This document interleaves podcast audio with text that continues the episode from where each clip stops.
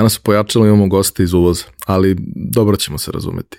Naime, danas je moj gost, moj dragi kolega Vedran Sorić, jedan od najcenjenijih i najpoznatijih e, regionalnih trenera prodaje i pričali smo o nečemu što on i kolege pripremaju u narednom periodu, a pričali smo naravno kako to inače ide u pojačalu cijel njegov životni put i ako budete odslušali epizodu vidjet ćete da u životu možete da napravite mnogo pogrešnih odluka i na mnogo raskasnice da izaberete krivi put, ali da ukoliko na nekim bitnim donesete dobre odluke, na kraju ćete zapravo stići tamo gdje treba i bit ćete srećni i zadovoljni. E, uživajte u ovoj epizodi i obavezno ispratite e, sam početak i kraj jer ćete tu dobiti neke zanimljive dodatne informacije. Realizaciju ove epizode pojačala podržala je kompanija Epson. Epson je već više od 20 godina vodeći svetski proizvođač projektora i štampača za sve namene od onih kućnih do profesionalnih. Posebno vam skrećemo pažnju na aktualnu ponudu Epson Business štampača. Naime, ukoliko je došlo vreme da kupujete štampače za vaše poslovne potrebe ili da zanovite trenutnu flotu štampača koju imate, obavezno istražite koja to sve rešenja Epson nudi, jer pored zaista sjajnih štampača koji vam nude besprekoran kvalitet otiska, mnogo manju potrošnju električne energije, mnogo manje otpada generisanog u procesu, uz Epson rješenje uvek dobijete i celu paletu softvera koja se kod drugih proizvođača doplaćuje, a ovde dolazi besplatno za sve njihove korisnike. Za više informacija pogledajte businessprint.com, piše se onako kako se izgovara. Hvala vam. imam još jednu važnu već za vas. Naime, od 1. maja sa krugom prijatelja radim na projektu naša mreža.rs. To je jedno jako zanimljivo mesto za svakog ko je preduzetnik ili razmišlja da to postane. Mesto gde svaki dan izlaze neki interesantni korisni tekstovi, a jednom nedeljno predstavljamo neki zanimljiv mali biznis.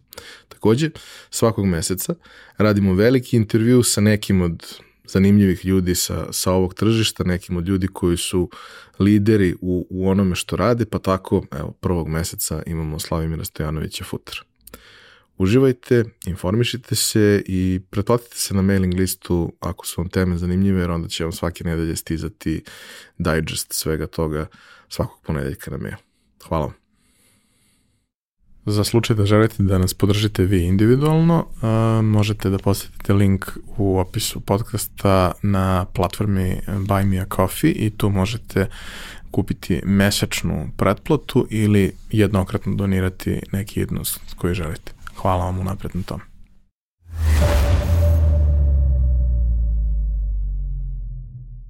Jadrane, dobro mi došao.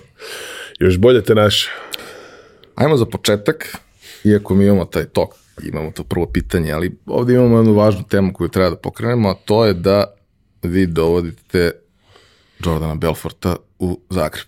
Kad, šta, kako? Kako? to, je, to, je ono pitanje, jel, kako ste došli do njega? Jel? Otprilike. Pa, kaže Saša, mislim, to on je, on je poslao mail. to je da najjednostavniji mogući način. Ovaj, da, poslali smo mail i dogovorili smo se. Osam mjeseci trajali pregovori. I eto, uspjeli smo se dogovoriti, čovjek dolazi i polarizira publiku. I to je tako lijepo za vidjeti. Da ga neki vole, neki ne vole. 17.11. Zagreb, Mozaik, Event Centar ili ti bivši Hipo. Dvorana nekakvih tisuću ljudi, odnosno tisuću mjesta ima. Već se lijepo nešto i rasprodalo. Online streaming za one koji ne mogu doći. Tako da evo, potrudili smo se napraviti sve što možemo da zaista ljudima priuštimo, onima koji naravno žele, da poslušaju čovjeka koji će pričati ono, o svim svojim zajebima, sve što je zajebo, sve ljude koje je zajebo na kraju krajeva. E, I zašto prodaje, kako je došao do prodaje na kraju krajeva i kako je osmislio svoju metodologiju prodajnu koja, ono, kad sam malo to slušao i gledao, nije sad neko veliko otkrivljenje, ali je simpatično kako je on to posložio i koji su njegovi fokusi, odnosno po njegovom mislim šta on misli da je najbitnije u prodaji. E sad ovaj moralni dio je zanimljiv jer to ide kroz njegovu priču kad je shvatio da je zapravo to što radi nemoralno. Pa je odležao malo čovjek i platio ozbiljnu kaznu i eto. Dobro, pričat ćemo još o, o tome u kasnijem delu, uh a ajmo red. Kod nas je to uvek tako. Prvo pitanje, mančmelo pitanje, šta ste budeš kad porasteš? Šta, šta sam htio kada budem kad porastem? Da. A, kronološki ili onako šta misliš, šta se prvo sjetim? Pa, evo šta se, prvo šta se sjetim da sam ko i svaku večer trčao na prozor kad su prolazili smetlari. I onda baš bi to bilo super, gledaj, ovi se skupljaju tu smeće. To ja sam onda htio biti vozač kamiona u tom trenu. O, ovaj, I onda u nekom trenu sam htio biti pilot i to mi se jako sviđalo i to me držalo od do faksa i sam upisao vazduhoplovstvo, ali sam onda shvatio da sam čorav pa nisam ništa od pilota, razvržio sam se zemlje i postao inženjer vazduhoplovstva nakon pet godina. Dobro. E, uvijek imamo taj neki uvod koji otprilike, da kažem, se bavi ono, detinstvom, ranim nekim razvojem, mhm. ranim e, stvarima koje su te interesovale i sve ostalo. Kako je to izgledalo kod tebe? Ovaj, osnovna srednja škola, pomenula si to za ovaj, jeli, pilota, ali šta te je još interesovalo? Šta ti je još bilo interesantno? Pa ja bih čak rekao, ono, u osnovnoj školi sam malo bio čudan, možda. Povučen, ajmo to tako reći. Nisam nešto bio e, previše ekstrovertiran. imao jesam, naravno, prijatelje, družio sam se, volio sam se, dugo sam se igrao sa Levokockama, mislim čak do kraja srednje škole, do kraja osnovne škole. Ovaj, među prvima sam imao kompjuter, pa sam igrao neke igrice u onom, što je to bilo, monokromatskom, na mhm. monokromatskom monitoru, zeleni monitor je bio, neki autić koji skače, da mi je to bilo fora igrat, to sam znao igrat ono do 2-3 ujutro, ko klinac. Ovaj, šta me zanimalo tada? Pa, stvarno, evo, sad kad si me pitao fantastično pitanje, to me još niko nikad nije pitao u podcastima i sad kad se sjetim, fakat ta Lego kocka moram priznati da su mi jako obilježile djetinstvo. I baš ona Lego tehnike. Ja sam stvarno, i tu je valjda, možda mi je tu i proradio taj inženjerski mozak i to sam otišao u srednju školu matematičku, odnosno informatičko-matematičku gdje se to nekako sve samo po sebi nadograđivalo da bi na kraju završio kao taj inženjer, jel? Ali evo, moram priznati da me ta izgradnja, vlakovi, tračnička vozila, ne znam zašto, kad me pitaš, sad se onako prisjećam tih nekih dana i fakat je to bilo u jednom trenu. I družio sam se jako puno sa jednim e, prijateljem, Marijom, evo ako ćeš Mario ovo gledat, bok, e, on je obožavao tramvaje. I on je imao popis svih tramvaja u Zagrebu po onim, znaš, onim brojevima po registracijama. I točno je znao koji tramvaj koja kola vuče. Znaš, sve, cijelu bazu je složio. I to je onak bilo malo friki u jednom trenu, ali opet s druge strane fora, mislim, ono, ko bi se i bavio time ikada. Tako da onda sam, ono, uz njega sam ja gledao te tramvaje, kak smo se družili i slagali u kocke. se sjetim tih nekih trenutaka, e, bilo je zapravo ono baš fora. Relativno rano bi rekao da sam se osamostalio čak, sa nekakvih 15-16 godina sam već počeo raditi. Prvo, ono, tad su još bile audio kazete pa sam ti radio u firmi koja ti se bavila proizvodnjom audio kazeta na tim strojevima, pa smo negdje tamo krajem 90-ih prešli na CD-ove pa smo pržili CD-ove, ali zapravo to bilo sve po PS-u jer su stvarno izvođači traže da im se snime CD-ovi za festivale i te neke stvari. O, e, to je bilo interesantno i ja sam ti zapravo, evo to je možda interesantna stvar, sa 18 godina Mm, sam već imao dve godine iskustva, bio, ono, dosta sam se naputovao do tada već i negdje na početku faksa ja sam već imao službeni auto. Dostavni duše, ali brate mi službeni auto, znaš ono, Berlingo Multispace, imaš 14 ljudi stane unutra, je. provjereno.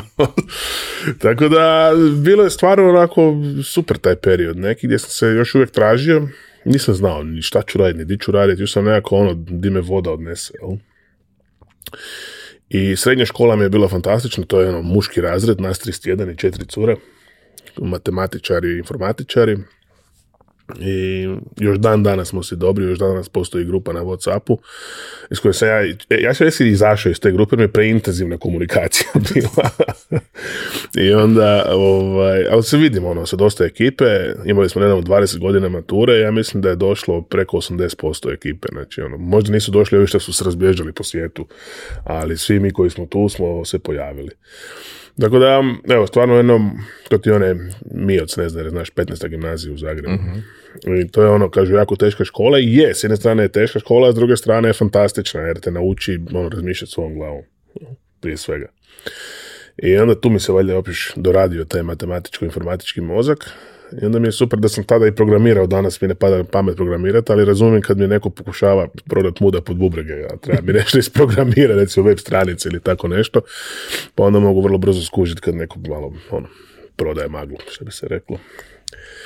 A što se tiče posla, mhm. ovaj, ok, krenuo si jako rano, ali u kom trenutku si, pa kažem, prvi put osetio da nešto baš želiš nešto smisleno, nešto što tebi deluje kao da je dobra ideja da radi?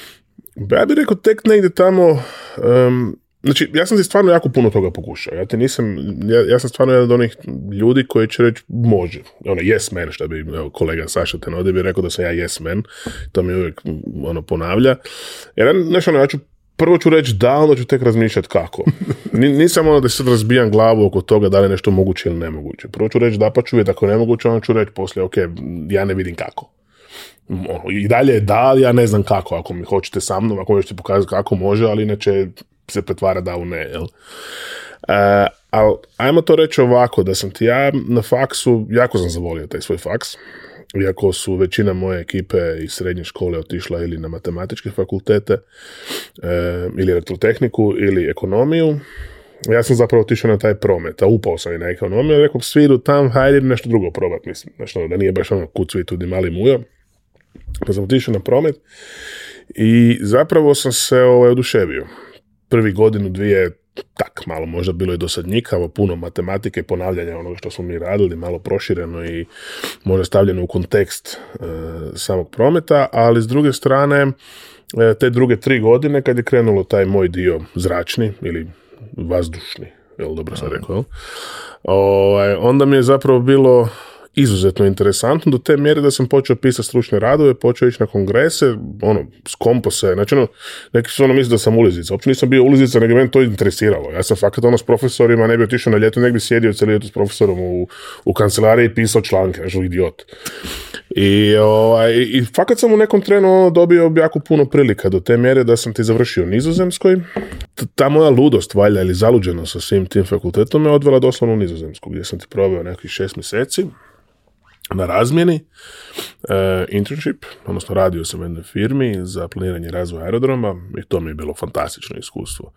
I onda kad dođeš u Nizozemsku, iz, tad je još ono dosta kaotično bilo kod nas početak milenija i to, i onda dođeš u jedan sređen sustav gdje sve funkcionira i onda to ti je super u početku i onda nakon dva, tri mjeseca si misliš, pa brate, mili, te, ovi ljudi se živciraju kad vlak kasni dve minute, pa kak je to moguće uopće? Kod nas vlak ne dođe, pa se niko ne živcira, a ovi, ovi se znači dvije minute kasnije još ona, ona nizozemska, sve ravno, vidiš ga od dolazi, ne, oni su živciri, oni su spremni pisati pritužbe za to. Preko, kakav to mindset mora biti? Tako da, ono, jedno, jedno fantastično iskustvo, tad sam radio u toj firmi i da je možda bilo deset godina kasnije da se to sve dogodilo, možda bi sad bio još u Nizozemskoj, jer čak je bila prilika da je oni mene zaposle, ali zakonski nisu smjeli, jer kako sam ja shvatio barem tada, po državi, po kraljevina nizozemska, jel? ne odobrava da se zaposli neko sa kvalifikacijama koje oni mogu naći unutar zemlje. Ja. I tako da ništa, vratio sam se u Hrvatsku i onda je bilo kao da će se otvoriti radno mjesto za mene na fakultetu. Tako su mi barem rekli. I to je trajalo godinu i pol, a u godinu i pol kad su mi mene konačno nazvali da, da se sve uspjelo dogovoriti, da će se to otvoriti, da ću moći ono biti asistent za početak. Ja sam već dobio posao koji sam radio prije toga već jedno mjesec dana, a fora je bila da sam imao duplo veću plaću. I uopće nije stvar kako plaće bilo, nego sam se ja već zakopao u kredite, tako da kad su mi došli s ponudom, o, ovaj, bilo je to nemoguća misija. Jel? Dobro, generalno, mislim, i ovdje, pretpostavljam da je i kod vas tako da te plate u, akademiji do trenutka, možda dok ne dođeš do statusa redovnog profesora mhm. nisu baš pretjerano stimulativne, posebno u inženjerskim djelatnostima.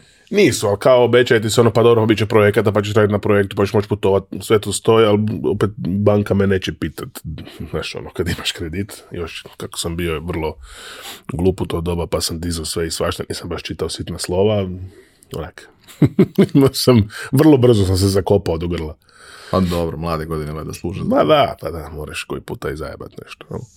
E, ali tu ti je fora, jednu stvar možda i najbitniju nisam spomenuo, ta nizozemska i taj jedan period, moj studentski, ja sam cijeli svoj studentski period sam ja radio, znači ja sam cijelo vrijeme radio, ono, kroz godinu bi radio i dalje u toj firmi za audio, kazete i CD, a kroz ljeto bi radio u turističkoj animaciji, znači ono, doslovno bi otišao na ljeto prvog petog i vratio bi se prvog desetog. I vratio bi se ako tu i tam koji ispit trebao položiti, ali ono, bio sam cijelo ljeto na moru. I to mi je strašno otvorilo vidike, i tu je zapravo počinje neka moja promjena, odnosno tranzicija, gdje sam ja shvatio šta možeš, prvenstveno šta možeš kad imaš ovo čudo, ili te mikrofon, jel? Koliko zapravo imaš kontrolu nad ljudima, pogotovo kad staneš pred njih, jel? E, a onda s druge strane sam shvatio koliko je komunikacija bitna i ono kad znaš jezike, kad se znaš postaviti, kad znaš nešto o kulturama, koliko se puno lakše prilagođavaš ljudima i koliko lako komuniciraš sa njima. I ako ćemo gledati to iz konteksta onoga što danas radimo, a to je prodaja, ja bih rekao da su tu bili neki počeci, ali na nesvisnoj razini. Ja to nisam uopće znao da se to zove prodaja, niti to bilo interesantno. Na kraj pameti mi to nije bilo. A recimo, kada sam radio animaciju, imao sam svoju plaću koju bi doslovno bi mjesečnu plaću, ne bi tako jer bi imao sve plaćeno klopu cugu, sve. I onda kad znaju u svim kafićima da si animator, onda te uvijek počast da im dovedeš turiste, onda bi ja uvijek savjetovao turistima da odu tu, tu, tu i tu, pa bi se onda taksisti zakačili, pa bi imao taksi prijevoz, pa onda rentakar skuži, pa sam uvijek imao auto kad sam htio, znaš ono, sve dobiš. Samo da preneseš informaciju. To isto na neki način ono ruka ruku mije i to isto danas je to B2B prodaje jel? Povezuješ ljude. A kako je zapravo to izgledalo? Kako je bilo tvoje prvo neko iskustvo kada dolaziš tu, pošto si sam negde rekao da, no, kad si bio klinac, mhm. si bio dosta zatvoreniji, mm. sad dolaziš u situaciju gde je to prilično challenging. Pa da, ali, znaš, kako ti to išlo kod mene? Nisam ti ja ništa od toga smisleno išao, znači da bi ja sad e, rekao, ok, sad ću ja to raditi. Ne, nego ti, evo, daću ti primjer situacije, kako sam završio u animaciji. E, ovako ti je bilo, znači bio ti je oglas na studentskom domu, ja sam to vidio turistički animator, ljetni posao. Ja pa, rekao, dobro, im se prijavi, dobim poziv i stojim na stanici e, na uglu Šubićeve i Zvonimirove, stojim, to nikad neću zaboraviti, ja sam tada već u mobitel, to je bila 2003. godina, jel? E, i zvoni mi mobitel, zove me mama da je baka upravo preminula.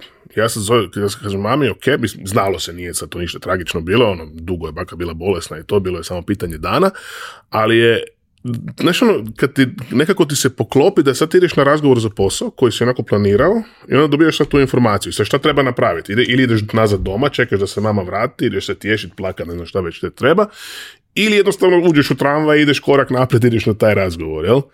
Ja sam nekako u tom trenu, ono, ja sam pitao mamu, dobro, jer ona je u Popovači su bili, i sad meni mama kaže, ovaj, pa mi ćemo onda ništa, mi ćemo sad tu sve riješiti papire i onda ćemo doći doma. Rekao, dobro, šta da ja radim, da idem doma, da vas čekam ili... Kaže, pa nećete nas sigurno biti još od ono 3-4 sata. I sad si ja razmišljam 3-4 sata, pa dobro, mislim, onda možda i stignem radite razgovor za posao. Pazi, ja sam ti otišao tamo radit, animacija je posao koji kad e, ljudi, kad te upoznaju sa poslom, prvo što ti kažu je ono, ujutro kad se probudiš, obučeš osmih i ne skiraš ga na večer. A sad ja sa saznanjem da mi baka umra, dolazim na razgovor za takav posao. I sad dolazim tamo i niko nije skužio. Ja sam to tek oni poslije saznal, ja sam dobio taj posao.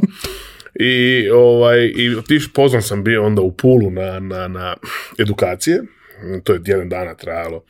Od jutra do mraka ti imaš što plesne koreografije, što pjevanje, što igrokazi, što, ne znam, kaširanje balona, one sve za klince, one sve stvari što možeš papira raditi, kartona, ne znam, svašta smo učili, to vrlo interesantno, do sportskih aktivnosti, vođenja, ako aerobika, aerobika, ne znam, svih tih stvari što se radi u turizmu. I prvi dan oni nas puse na sve aktivnosti, mene su poslali na sportske, vidjeli su koliko sam ja sportski sposoban, ovako, nisam baš pre. I odmah su zaključili da sam ja za miniklub, Tako da sam ti ja probao idući šest dana u miniklubu plešući dječje koreografije, pjevajući, izrezujući razne oblike iz svih tih mogućih papira i toga i pripremajući razne igrokaze za klince. I to je trebalo dobrih šest dana, isto je drill bio, ali ono, nekako mi je to bilo bliže, jel? Čak i zabavno. I dobim ja nakon toga, kažu oni super, evo Vedrane, baš nam je drago, sve je super. I dobivam ja poziv, odnosno dobijam lokaciju da moram ići u Rabac, prvog petog. Ja dolazim u Rabac, izlazim iz autobusa sa svoje dva kofera, jedan ruksak naprijed, jedan ruksak, iza i gitara još preko ramena. I dolazim na četiri mjeseca, znači stvarno sa puno stvari. I dolazi, ide po stepenicama od hotela i dolazi prema meni ovaj moj stvarno jako dobar prijatelj još dan danas Daniel i kaže, o, Vedrene, evo, baš mi je drago da si došao, baš nam fali sportski animator. ja rekao, ali ja sam ti za mini Kaže, ma budeš pohvatao. Šta ću sad pohvatat, nisam ništa toga vježbao, znaš ono. I ništa, i drugi, drugo jutro, ja mislim sad će oni meni pokazati, sad će oni meni uvest. Ne, ne, ništa mi nisu uveli, nego sam dobio one boom blaster, znači onaj ogromni radio sa muzikom. Evo tu tamo ti je bazen, tu ti je mikrofon, samo to uštekaš u boom blaster, tu ti je CD sa muzikom i odi tamo ono, ljudi će ti se pojaviti čim pustiš muziku i samo odradi Ja Rekao, a kako? Šta ja sad moram raditi? I sad onda i uspijem na njih žica da neko ode sa mnom, barem prvi puta, mislim, što uopće ne znam di moram ići točno. I sad oni meni pokažu i sad ova kolegica jedna najavi I kaže, ej, vaš ovaj, ovaj sportski animator je Vedran. dođem i sad ja gledam, mislim, ok, ritam kužim, završio sam muzičku i sad ja krenem, ništa krenem. Hoda, vidim svi u bazenu rade što ja radim. Pa rekao, dobro, stavim ja ruku ovak svi, on je ovako ruku, rekao, a, to tako ide. I onda sam ti zapravo što god ja radim, oni će raditi. Tako da je to na kraju ispalo, bolje da ne znaš kako je ispalo. I ja sam toliko počeo uživati u tome da se radio jutarnji popodnevni jako aerobik svaki dan. Jer sam skužio koliko je, kolika je moć kad si ti u poziciji moći, pa makar to bila obična turistička animacija gdje si ti voditelj jako aerobika, koliko je to zapravo gušt? Kad ljudi ponavljaju ono što ti radiš, bež da propitkuju zapravo da li to ima smisla ili ne. sad, danas mi je jasno zašto političari kad uspijevaju. Jel? Jer to, je strašno nešto. Ti si doslovno upozit tebi, oni su rekli, ovo je vaš, znači ti si e, ovaj, instruktor aerobika. Nemam ni A od aerobika. Nemam pojma o aerobiku koji Ali eto, bio sam tri godine. Tako da eto. Zato ti kažem, meni su ti se stvari događale upravo na taj način u životu. Ja sam čovjek bio bačen u vatru. Pa šta bude? Sve mi je tako bilo. Znači, god sam napravio, uvijek je tako, ono, evo ti snađi se je imao sam par situacija u životu, onako mentore, kvalitetne mentore, nisam to u tom trenu možda kužio, ali, ali stvarno ono u većini slučajeva, osim ajde u jednoj korporaciji gdje je stvarno bilo sve posloženo po PS-u, sve ostalo je bilo bačen si u vatru. Snađi se druži, što se kaže. No. A, ovaj, mislim, kapiram da je specifično zato što pričamo o, Hrvatskoj, mm. zemlji koja ima izuzetno razvijen turizam, da je mm. turizam jako važan deo Mhm. ovaj, privrede pola godine mhm. ovaj, i gde postoji, pa kažemo, i ta neka kultura stranaca koji dolaze, gde je jednostavno na različitim mestima na, mhm. na, Primorju različita neka ekipa se okuplja i to podrazumeva dosta tih nekih i programiranih aktivnosti koje oni tu imaju i, i, i sve ostalo. Kako je tebi bilo to iz ugla da, ono, upoznaješ ljude iz drugih kultura, upoznaješ ljude koji su u nekim drugim starostnim kategorijama. Ono, na neki način ti si par meseci godišnje potopljen u najrazličitije moguće ljudi od njih kao neko ko je tu, na koga su oni upućeni, možeš da čuješ svakakve neke interesantne priče, razne neke kontekste zanimljive da pokupiš od njih i sve to je, ono, jel pamtiš neke stvari tu koje su ti bile interesantne? Da, pa ja sam zahvaljujući toj turističkoj animaciji prve godine um, sam putovao barem jedno tri mjeseca poslije. Kod svih ljudi koje sam upoznao tijekom ljeta. Znači još dan danas mi se javljaju neki ljudi, baš mi se javila Katrin Weiss se zove, gost, sad već to gospođa. Oni su bili njih četvero, bili su Ronald i Katrin i bila je, sad se ne mogu, René, on je njihov sinja, mislim, i još neko, i cura njegova, ne mogu se kako se ona zove. To su bili ono, četvero Austrijanaca, iz Linca.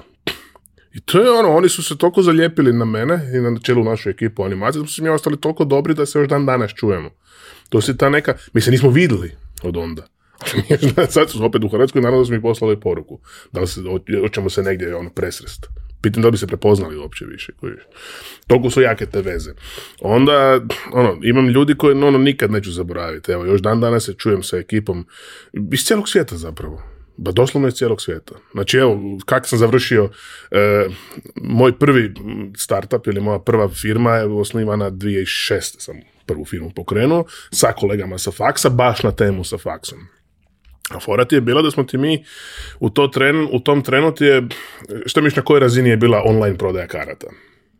Vrlo. U svojim početcima. Jel? Tad je bilo, bio je E, aviokarte HR su isto možda krenuli koju godinu prije nas, ili možda čak te iste godine.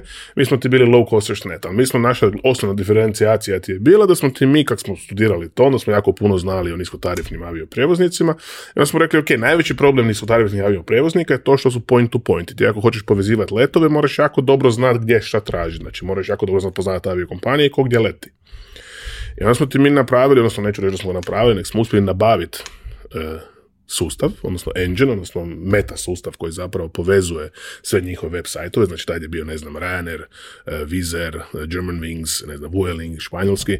I sad, ti ako bi si htio, ne znam, ići na Tenerife, ti si morao promijeniti dvije, tri aviokompanije ako bi išao iz Zagreba. A forat je bilo da ti je ovaj sustav vuko sve njihove podatke i davao ti odmah konekcije. Jel, mi imali smo jedini taj sustav. I mi smo ti napravili taj website, lowcoster.net, preveli ga na sve naše jezike, bio i hrvatski, i srpski, i bosanski, i makedonski, i albanski. Sve smo napravili. I e, to smo ti napravili. Napravili smo ti isto priču e, da imamo i konvencionalne avioprijevoznike, i hotele, i rentakare, sve, sve smo posložili. Cijeli sajt je bio, znači, 2006. spreman. I forat je bilo da smo imali čak i medijsku pozornost, ja sam ono imao te neke članke još izrezane iz novina, ovaj, ali e, to uopće nije toliko bitno koliko je opet povezano s animacijom. Zašto? Zato što, kak sam ja došao do tog softvera, zato što moj kolega, prijatelj koji je vodio kasino u tom hotelu gdje sam ja radio, Oz Haradir, danas vlasnik i Tripa, jedno od najvećih ovih e, sustava za booking. Mm.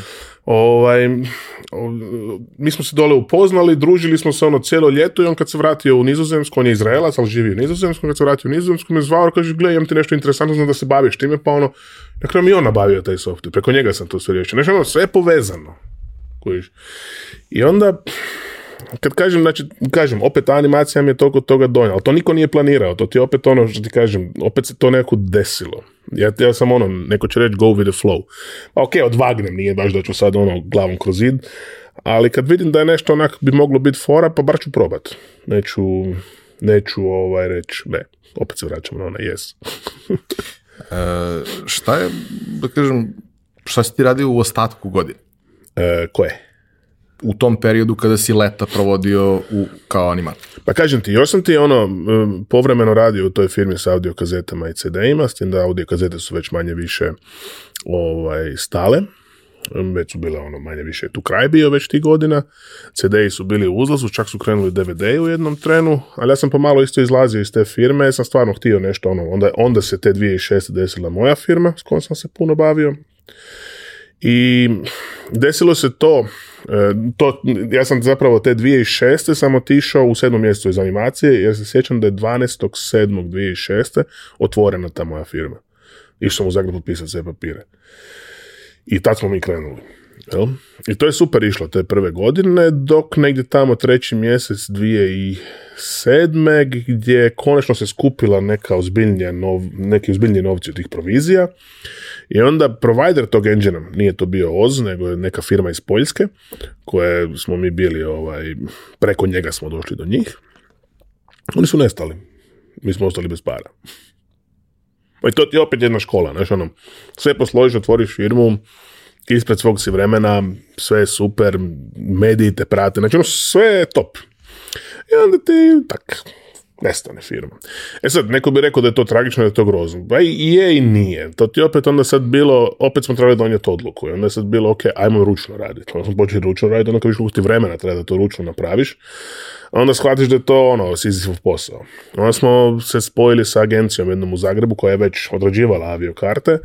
Onda smo rekli njima, pa daj onda vi preuzmite to sve, da se mi više, ono, nemamo, nemamo se mi vremena baviti time. Koji, smo, ja sam završavao tada faks. Um, ovi kolege dvoje koji su bili sa mnom u firmi, su jedan je bio na zračnoj luci, drugi radio u Croatia Airlines, toga su morali biti ispod radara, oni se nisu smjeli ni isticat. I onda smo zaključili, gle, ajmo ništa, zatvori tu priču, nećemo je čak ni prodat, nego smo doslovno poklonili ovoj firmi i to je tako završilo tog ljeta. Ja sam to ljeto onak izujario okolo, da bi dobio ponudu poslije za posao, odnosno prijavio sam za jedan posao prije ljeta u autoindustriji, da bi me zvali tek nakon ljeta i onda sam dobio posao. To je bio 12.11.2007. i tad kreće moj korporativni dio puta. Tad si već imao, tad već završio fakultet. Tad sam završio fakultet, tad je bila, tu i tamo sam predavao na fakultetu, um, kao vanjski. I tad se još uvijek pričalo o tome da će se otvoriti ta pozicija za mene, koja se tek otvorila na ljetu. Na ljetu 2008. su mi oni rekli da se otvorili poziciju, ja sam od 12. 11. 2007. već radio u korporaciji. Šta ti je bio taj posao? E, ja sam ti radio u firmi u autoindustriji, ne mogu reći koja je čak firma u autozubaku, ono, dream job što bi se reklo u to doba, voditelj razvoja za online poslovanje. Jer meni ti je bila fora, e, to savio aviokartama mi je dalo neki boost u tom smjeru. Kužiš. I onda kak se i pisalo, onda sam imao i proof of concept da neke znam potom na put napraviti. I tako sam došao na taj posao, opet ne znajući šta će zapravo biti moj opis posla. Na kraju se ispostavilo da sam totalno druge stvari radio, implementirao, ja sam se bavio dosta čak ITM, odnosno nekakvim online razvojem, puno je tu projekata, ono, knjige smo napisali koliko je to projekata, opet pisao, pisao, pisao, pisao, pisao. I to je ono jako, jako lijep posao bio. I super je ekipa bila i sve, neke od ono, stvarno životnih prijateljstava sam tamo stekao. O, ovaj, ženu sam našao tamo u Autozubaku, tada smo se 2009. i ženili I tad je već 2009. 2010. je već došla ona kriza gdje ti je autoindustrija e, otišla na, pala na koljena. Nama je pala prodaja oko 80% tada. Kujiš. A ja sam bio vrlo skupi istraživač koji trenutno nema šta istraživati jer je sve stalo. I ništa, ja sam se sjeo sa gazdom i ništa. Rukovali smo se, ja sam potpisao ovaj, izlazak iz firme, dobio sam i otpremninu i sve, stvarno, ono, vrlo jedan fair i korektan odnos s obzirom kakva je te trenutno situacija bila u tom trenu. A na čemu si najviše radio u tom periodu dok si bio tamo? Ipak je to nekih tri godine. Da, e, pa mogu ti točno reći koji je projekt bio možda je najviše traga ostavio i koji se ovaj, još dan danas koristi. Dakle, moj neki prvi zadatak prvih dva, tri mjeseca ti je bilo biti sve poslovnice, sjediti u poslovnicama, znači u auto, auto gdje se prodaju automobili, znači u prodajnim salonima i snimati situaciju. Da vidim sve što ne valja iz perspektive kupca. Oni su rekli, nećemo ti ništa govoriti kako to funkcionira, nego ti odi i šta si ti sve primijetio iz perspektive kupca, šta ne valja. I onda smo gledali šta se od svega toga što ne valja može digitalizirati ili na neki način popraviti da bude kvalitetnije. I moj prvi projekt je bio, e, ja sam skužio da cijelo vrijeme zvone telefoni, niko se ne javlja na njih. to je bilo onak pravilo u svim poslovnicama. A već su bili mobiteli dosta zastupljeni. I forat je bilo da ti neki moj zaključak bio, ok, šta možemo napraviti s telefonskom centralom, da, da možemo to nekako riješiti da to funkcionira bolje.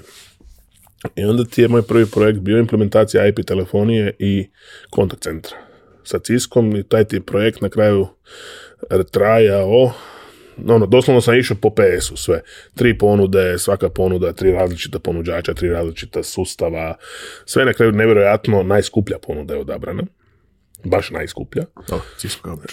Da, ali je toliko sve bilo kvalitetno raspisano i posloženo da, da, da smo točno znali šta dobivamo i šta se može sa tim, znaš. I dobra ekipa bila koja je to radila, tako da to mi je baš bilo, bilo drago.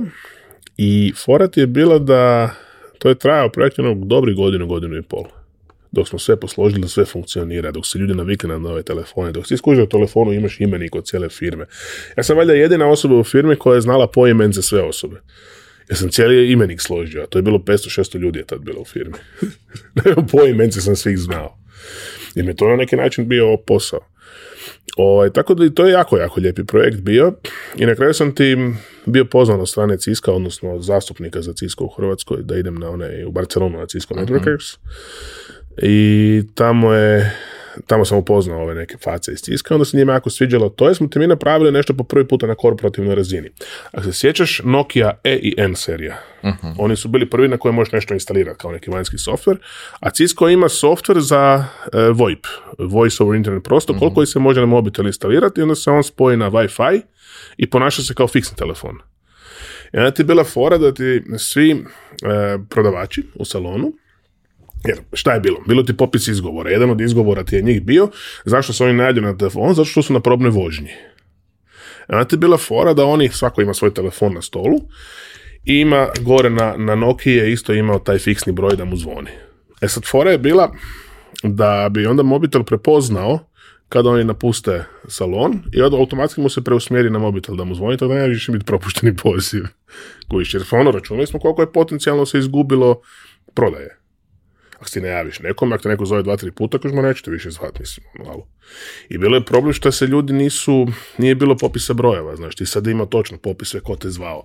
E onda smo ti to išli još korak dalje, pa ti se sve povezalo da da se točno na kompjuteru na ekranu da ti se ispisuju svi propušteni pozivi. Znači ti sa centralom spojio doslovno ekran, odnosno u Outlooku ti se ispisivalo. Kužiš. Tako da, jako napredno to sve skupa bilo i ono, kad sam danas kad gledam iz perspektive znanja koje imam, to je ono bio početak nekog izvrsnog CRM-a, koji bilo je nekih krivih pokušaja korištenja toga, ali evo primjerice u jednom trenu je, su pokušali toliko su bili već isfrustrirani sa propuštenim pozivima, da su rekli ljudima da će se početi kažnjavati propušteni pozivi. I šta ti se počelo događati? Jedan više nisi imao propuštene pozive, ali si imao jako puno poziva od 3 sekunde. Ono, digne, spusti. e onda je bilo, onda su uveli da ne znam, da moramo staviti da, da poziv mora trajati barem 15 sekundi. Ali ne, to su neke stvari, znači propušteni poziv će biti pogotovo ako vidiš sad ko te zove. Pa javit ćeš se nazad, pobogu. Znaš, ono, bilo je tih nekih pokušaja e, krivih po meni, još dan danas to tvrdim mogu otvoreno tvrditi, ali evo, dan danas firma postoji, super rade i da bi riječ rekao, to još uvijek funkcionira taj sustav. Ne znam šta su napravili sad zadnje sa tim. A pričat ćemo i o tome ovaj, kasnije mhm. e, kako su KPI-evi koji se pogrešno postave u prodaji zapravo jedan mhm. prilično veliki problem. Ovaj, ali ajde da, da, da, dođemo dotle. Mm-hmm. Um, ok, znači 2010. godina tržište na kome si ti radio otišlo dođe vola. Mm. Ti izlaziš iz te firme i šta onda? I onda lutam. onda ti lutam do negdje početka, do četvrtog mjeseca 2012. konkretno. Ali šta znači lutam? Znači nije da ja nisam imao posao, radio sam ja svašta, ali sam radio kontra sebe, radio sam za pare. I to je ono što je, evo, ako mogu ikome ikakav savjet dat koji je možda i glup, nema nikad trčati za parama, nego radi više prvo ono što te veseli, a onda razvijaj to što te veseli, pa će doći, pa će pare doći na kraju. Jel? A ja sam tu otišao iz auto zuba kad sam zapravo otišao u firmu koja se bavila digitalnim marketingom i prodajom. E, jer je to nekako bilo, kad sam srođivao sa ljudi, puno me već ljudi znalo i onda sam odmah dobio ponudu za posao i prešao sam praktički prek noći. Sam trebao biti digital sales manager. To mi je bila titula, jel? Mislim, pojma imao šta trebam raditi, opet. Dobro, ali pričamo o 2010. gdje je sve to prilično rudimo. Ma gdje je još bilo, balka SMS-ovi su se slali, maltretirali su ljudi sa onim porukama gdje trebaš stop reći, da ti prestane dolazi, da ti prestane naplaćivati. Pošto se to ne radi i dalje.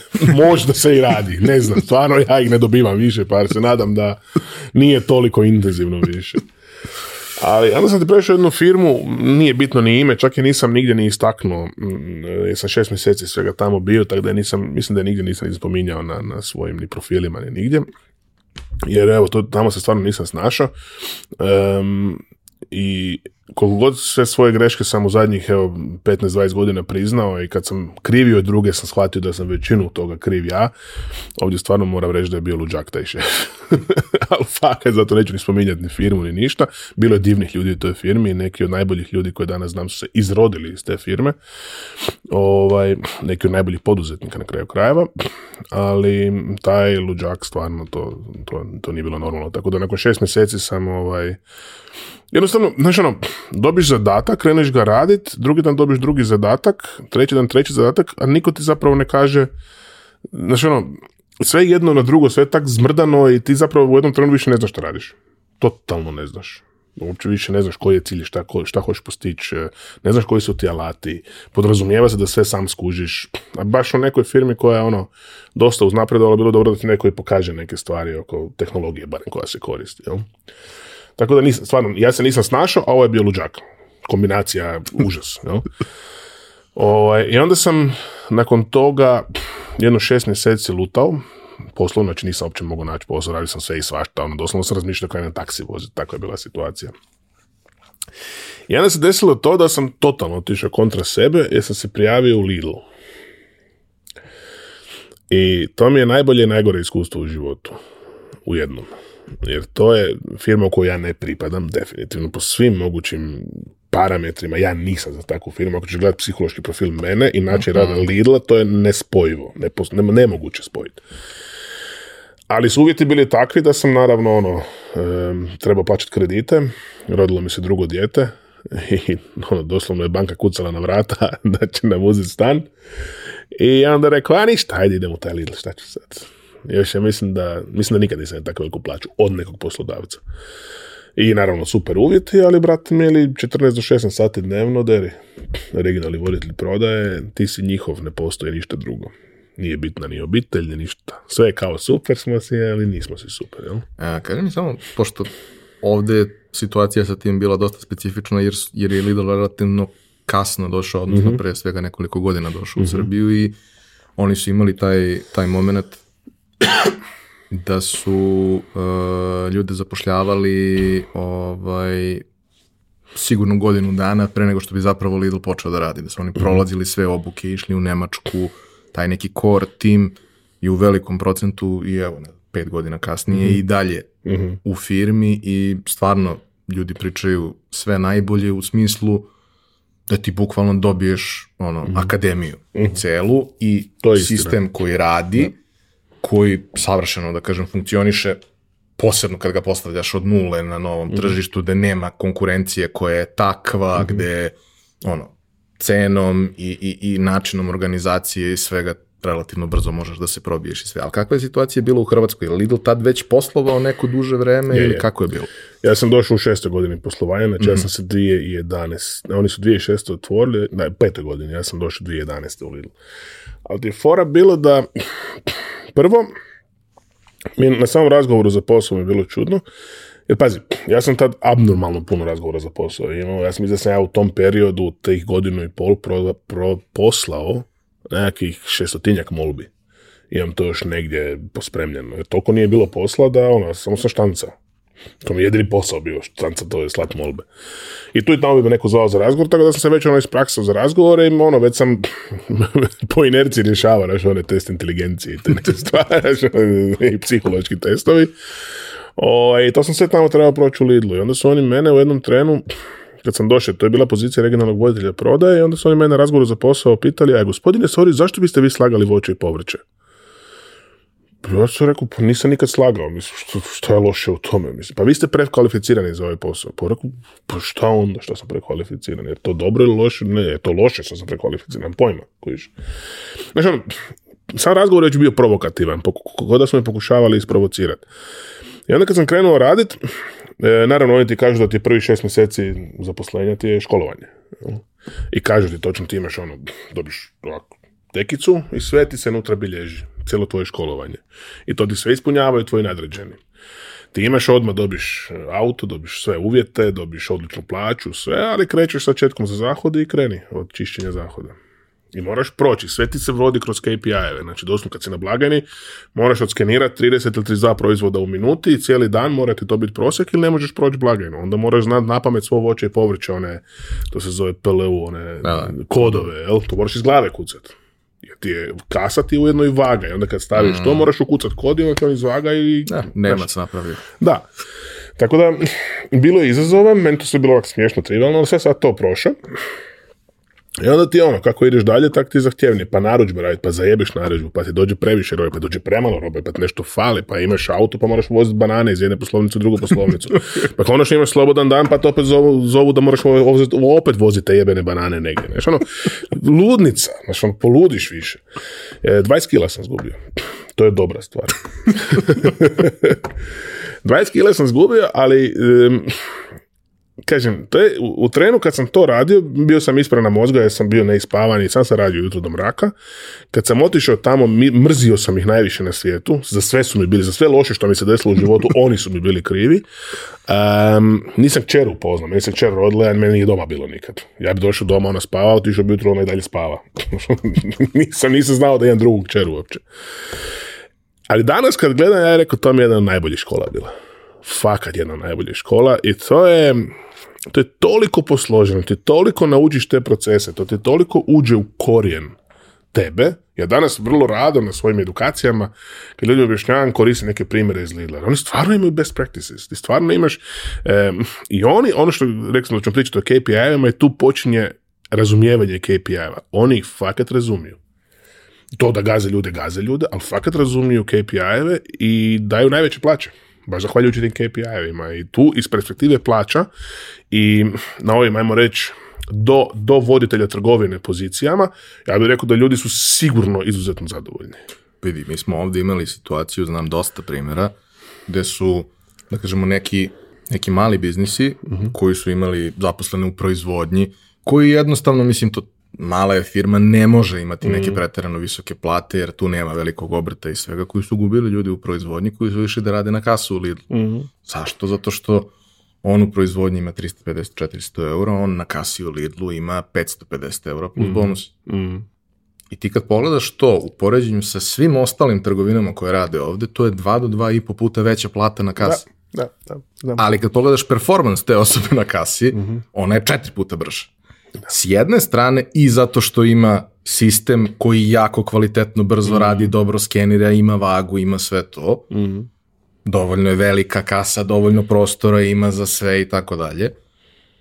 Ali naravno osoba pravi tu najveću razliku na kraju dana. I uvek su nasmijani, i uvek znaju sve, i uvek sve mhm. rade jako brzo i tebi je gušte da odeš da kupiš nešto u Je, je, je. Ja, se, ja i da danas kupujem u Lidlu jer sve znam di je za napamet di šta je stoji. Znam i kodove neke još uvijek, što je najgore, ono malo ispred mozaka, bože moj.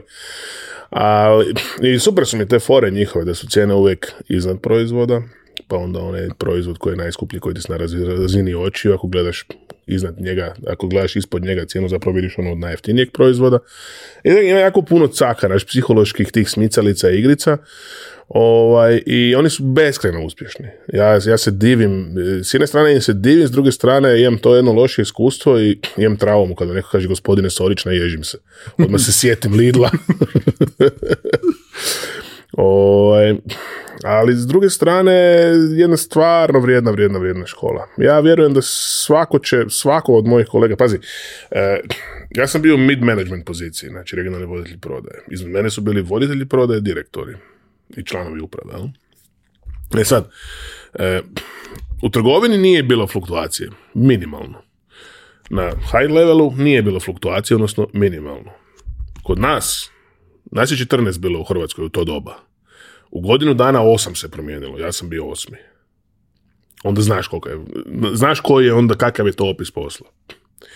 I onda, znaš, ono, i onda na kraju me pozovu na razgovor, ne znam, to je nakon 9, 10, 11 mjeseci što sam radio, zovu me na razgovor i kako kažem, ono, mislim se sad, odradio sam sve, prošao sam sva školovanja, već sam vodio regiju gore, Osijek i to, od kolege sam je bio preuzeo i sad on zovu me, ja rekao, evo, konačno dobijam svoju regiju negdje blizu Zagreba da se mogu ono doma konačno vratiti. Onda mene zovu i onda mi kažu, ništa gospodine Sorić, to je to, hvala vam na vašoj usluzi, imate još plaćeno dva mjeseca i to vam je to. Rekao, ne kužim, šta, je bilo? Nije to za vas. Znači, ono, ubiješ od svega, misliš da si dobar i sve, jednostavno, ne. ne. I onda rekao, koji je razlog, koji je pravi razlog? Ja onda su mi počeli neke razloge navoditi koje ja zaista nisam, ja, ja dan danas taj dio ne razumijem, jel? taj dio ne kužim, nisam još dan danas shvatio zašto sam ja zapravo izletio iz te firme, zašto sam dobio otkaz. Kaže da se, da, kako su oni rekli, prekreativni ste gospodine Sorić. Eko što znači prekreativan? Pa sve inventure štimaju, sve. Da, mi ne znamo baš kako ste vi došli do toga. ja, ja, sam ono malo sam skraćivao neke procedure, jer mi se nije dalo ono, znači, ono sve do detalja bilo, rekao pa dobro, to se vidi sve koji iz aviona. A njima je falo na papiru i onda ono, ispara da lažeš nešto. A nije, ja stvarno nisam tip koji će nešto niti ukras, niti lagat, na kraju krajeva. Ali... Ali nema, Nemac je Nemac. Ma nije to, ovo su bili neki uveženi Nemci, kad sam ja uvežen ovdje, kako si rekao. Gosti iz uvoza. Gosti iz uvoza, da, oni su bili isto. Njemci iz uvoza. jednu stvar ću samo da te pitam još vezano za to. E, otprilike, peta godina je i ovde sada otprilike i, mhm. da kažem, Lidl ovde i dalje radi ekspanziju u smislu mhm. otvaranja novih objekata. Mhm. Oni su krenuli sa nekim brojem objekata u istom trenutku, mm ne mhm. sjećam se tačno koliko, mhm. ali umeđu vremenu se to možda i dupliralo za ovih mhm. pet godina, ali kada pogledaš, imam dosta prijatelja i često pričamo, tu postoji vrlo jasan plan za dalju ekspanziju. je, Jel to i ovdje bio slučaj da, kod vas? Da, ja sam bio, mislim da smo mi kroz tu godinu da se otvorilo jedno desetak, 15 trgovina, prešli smo brojku 80 kad sam ja bio, sad ih je preko 100, to znam. Mislim da je čak 120, tako nešto. Ok. I dobro, dobijaš tu ovaj, izlaznicu iz eh, da. cele priče. imaš dva mjeseca da smisliš šta ćeš. Pa eh, i da i ne, zato što ti je meni već, ja sam ti već u prvom mjesecu razmišljao da stvarno ne mogu raditi taj posao. Znači, bilo je to meni negdje u podsvesti, znaš. Ja sam ti bio igno slučaja u prvom mjesecu na jednom razgovoru neobavezno. Znalo se da radim u Lidlu i to. Ja sam ti bio na jednom razgovoru za jednu multinacionalku. I to je kao, ta priča mi je možda jedna od najdražih priča, jer to mi je danas jedan najbolji prijatelj, taj čovjek koji me tada zaposlio, nije me poznavao. Gdje ti doslovno kad imaš onu situaciju gdje ti čovjek dođe, na preporuku me zvao od jednog prijatelja iz Zagreba, e, da dođem na razgovor. On je Poljak, on je u Zagrebu i razgovara sa ljudima iz Hrvatske za poziciju regionalnog za, ne znam, osam država za neke pneumatske alate. Tako mi je to tada zvučalo. Neki pneumatski Ne znam šta je pneumatski Tad nisam znao. I forat je bila da ja dolazim na taj sastanak i ono, korporativna priča. On otvara laptop i kreće. Mi smo ti i ti, postojimo toliko i toliko, najveći smo, najbolji smo, imamo milione zaposlenih, ne ono, znaš, ono, korporativne stvari. Ja sam s jednim klimam glavom, ono, ok, super, no, šta ja moram raditi? On to meni uopće ne govori, samo priča o firmi. Jednom trenu vidio od mene da sam onak malo pogubljen i to, i zatvori lik laptop i kaže, daj Vedran, ajde, ajdemo mi pričati ko muškarci. I kreće za jebancija, i kreće o motorima, o autima, sve ono što ja volim, skužimo koliko imamo zajedničkih interesa, ja mu kažem otprilike ukratko kad svoj neki karijerni put. I u nekom trenu, nikad neću tu situaciju zaboraviti, to volim pričati, to sam čak i na TEDxu pričao tu, tu situaciju. Znaš ono, kad ti se čovjek diže, pruža ti ruku i kažeš da si dobio posao a ti ne znaš ni koji posao, ni šta ćeš radit, ni šta, šta bi ja sad trebao, ništa. Ali si srećan. ali sam sretan, da je to, to, to. I sad on meni kaže, dobio si posao, kaže, ali procedura ti je malo, ovo je multinacionalna korporacija, malo ti je procedura tu zeznuta, morat ćeš još proći dva, tri razgovora sa našim HR-om, ali što se mene tiče kao tvog budućeg šefa, ti si posao dobio od svih kandidata, ti si mi najbolje sjeo i ja ću tebe preporučiti gore. I u međuvremenu sam se ja razišao sa Lidlom, ali sam bio još dva mjeseca zaposlen kod njih. I meni su se oni javili tek negdje krajem drugog mjeseca, u, trećem, drugom sam imao taj prvi neki razgovor sa tim HR-om, u trećem drugi razgovor i što je najsmiješnije se poklopilo da ti je meni u, ugovor u Lidlu isticao prvog četvrtog, a novi ugovor sam dobio prvog četvrtog. Sve se poklopilo, znaš. I opet, to ti opet ono, ono od prije, jel? da sam sad ganjao to, znači nakon toliko poslanih zamolbi, to na kraju ti dođe posao sam. Ne znam kak. Ne znam kako to drugačije objasnio. Da li je to zakon privlačenja, ne, ne znam. možemo i o tome. I ja ti počinjem raditi u toj firmi, a u međuvremenu, pazi, još jedna stvar se paralelno događa. U trećem mjesecu ti meni dolazi neki mail, bez veze, kako sam imao vremena, jer nisam više radio u Lidlu, sam bio na plaći, odnosno sjedio sam doma. I naravno i tražio dalje posao, jer nisam znao koliko je ovo sigurno, hoću ja to fakat dobiti ili ne, ja znam, Imao sam tri razgovora, niko se ne javlja, ne znam. I stalno na mailove dolazi meni mail od uh, e, Kotrulji Business School. E. I dolazi da su, da, da prijeve za stipendije. I kaže, ono, nudimo šest stipendija, jedna je 100% i pet kao 50%. Ja pa, rekao, ok, sam, mislim, imam vremena, mogu se onda i za to prijaviti, pa dobim stipendiju, super, idem na MBA usput. Ja se prijavim na to i odem na, kod njih na to njihovo testiranje, odnosno to je pisanje testova, ja ti dobijem stipendiju. Ali ono što nisam znao da će biti, na svih šest smo dobili stipendiju 50%, onda se više šira izvlačilo ko će dobiti 100%. E to nisam dobio. E sada, u tom trenu znači imam ogromne kredite, imam stipendiju 50% nečega što i dalje košta 12.000 eura. I imam novi posao. Gdje sam napravio onu amatersku grešku, kak je to multinacionalka, i ja kad sam vidio ono koje oni meni plaću, nude, meni ono oči, uopće nisam čitao šta dalje piše i odmah potpisao. Pisalo je 2000 eura, odmah mogu, otvoreno reći, jel? Tad su to bili se auto, mobitel, se laptopi kao plus bonusi. I uopće nisam gledao, sam se potpisao. I krećem ja radit, jedna plaća, 1200 eura. Ovaj da. ja sam do sada uvijek potisivao neto plaće. Ovo je multinacionalka, sve se priča o brutu, e, ja idiot. Tako da je ono užasno puno sam grešaka radio, koji kreten, kretem. I onda je prvo bilo, odmah sam zvao gore, panika, pa ček, pa ja ne mogu svojim ni kredit pokrenuti, sam užasno kako sam gluposti napravio s tim kreditima, ja sam imao 1300-400 eura samo mjesečno što moram banci vratiti. Ja njima kažem, pa ne mogu, ja ne mogu s svojim živjeti. I kaže ona, ajde prva tri mjeseca neka bude tako, pa ćemo se dići plaću. Onda smo mi fakat digli plaću i to je sve krenulo u nekom dobrom smjeru. I onda sam već nakon šest mjeseci, kad sam već ona dobio za stalno, ja već ja, e, znate, ja, ja, ja bi upisao MBA.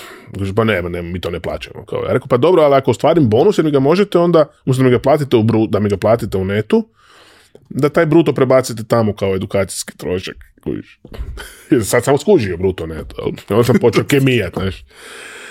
Kaže, ajde razgovarat ćemo o tome. Ja se podrudio, ubio godinu, napravio sve, se dobio i rekao, ajde sad ono. I onda je bilo, nije bilo, nije bilo sve jedno, jer to kao ne rade, ali uspio sam i ne žicat. Tako da sam si, ono, ja sam si jedan od rijetkih e, na svojoj godini, mislim da nas možda dvoje, troje bilo, koji smo si sami platili MBA. I to je ono što je fora, znaš ono, obično te firma pošalje ili ti firma plati. Ili ako imaš svoju firmu, platiš za svoje firme. Ja sam uspio sam sebi to isfinancirati kroz svoje bonuse. Znači, meni niko nije to platio. Nek samo ono, tu i tamo skupiš za neku ratu pa platiš, sa strane nešto odradiš pa platiš. Ja sam to razvuko, ja sam to plaćao ono doslovno iz mjeseca u mjesec, pa onda se pritajim dva mjeseca, ništa ne platim, pa me zau, pa rekao, evo sad ću, ni samo što nisam. I uspio sam sve isfinancirati. Tako i s Belfordom, jel? Samo su malo veći iznosi. A kaži mi, ovaj, MBA je za svako ko je ko je završio, najčešće kada pričamo o tome je jedno prilično vredno iskustvo, jer na neki način upotpuni tvoje znanje onim stvarima koje su ti slabe. Ok, ti one u kojima si dobar, sve ok, to ti je nešto gde možeš da se dodatno istakneš u mm. celoj toj priči, ali je mnogo dobro da što ti zaokruži znanje, a za ono, taj ozbiljniji menadžerski ili executive kadar, mhm.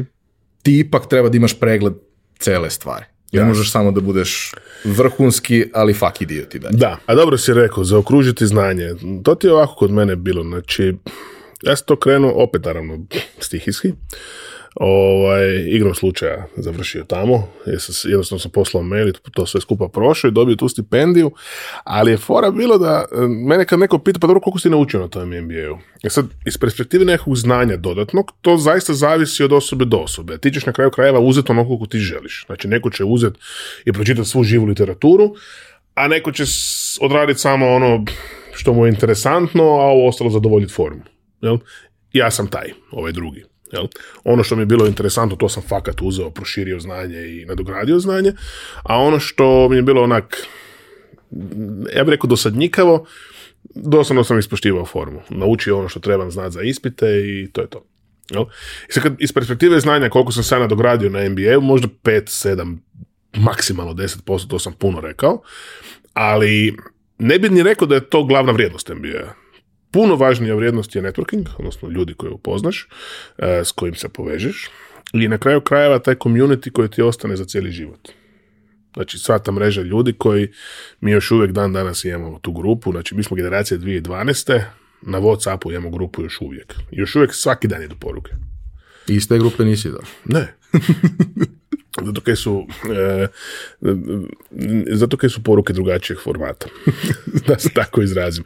Nije prisjećanje šta je bilo 90-ih, nego je šta će biti u budućnosti. o, ja se ne volim vraćati nazad, ja volim prema naprijed. Kako je za to vreme paralelno tekla ta priča na poslu?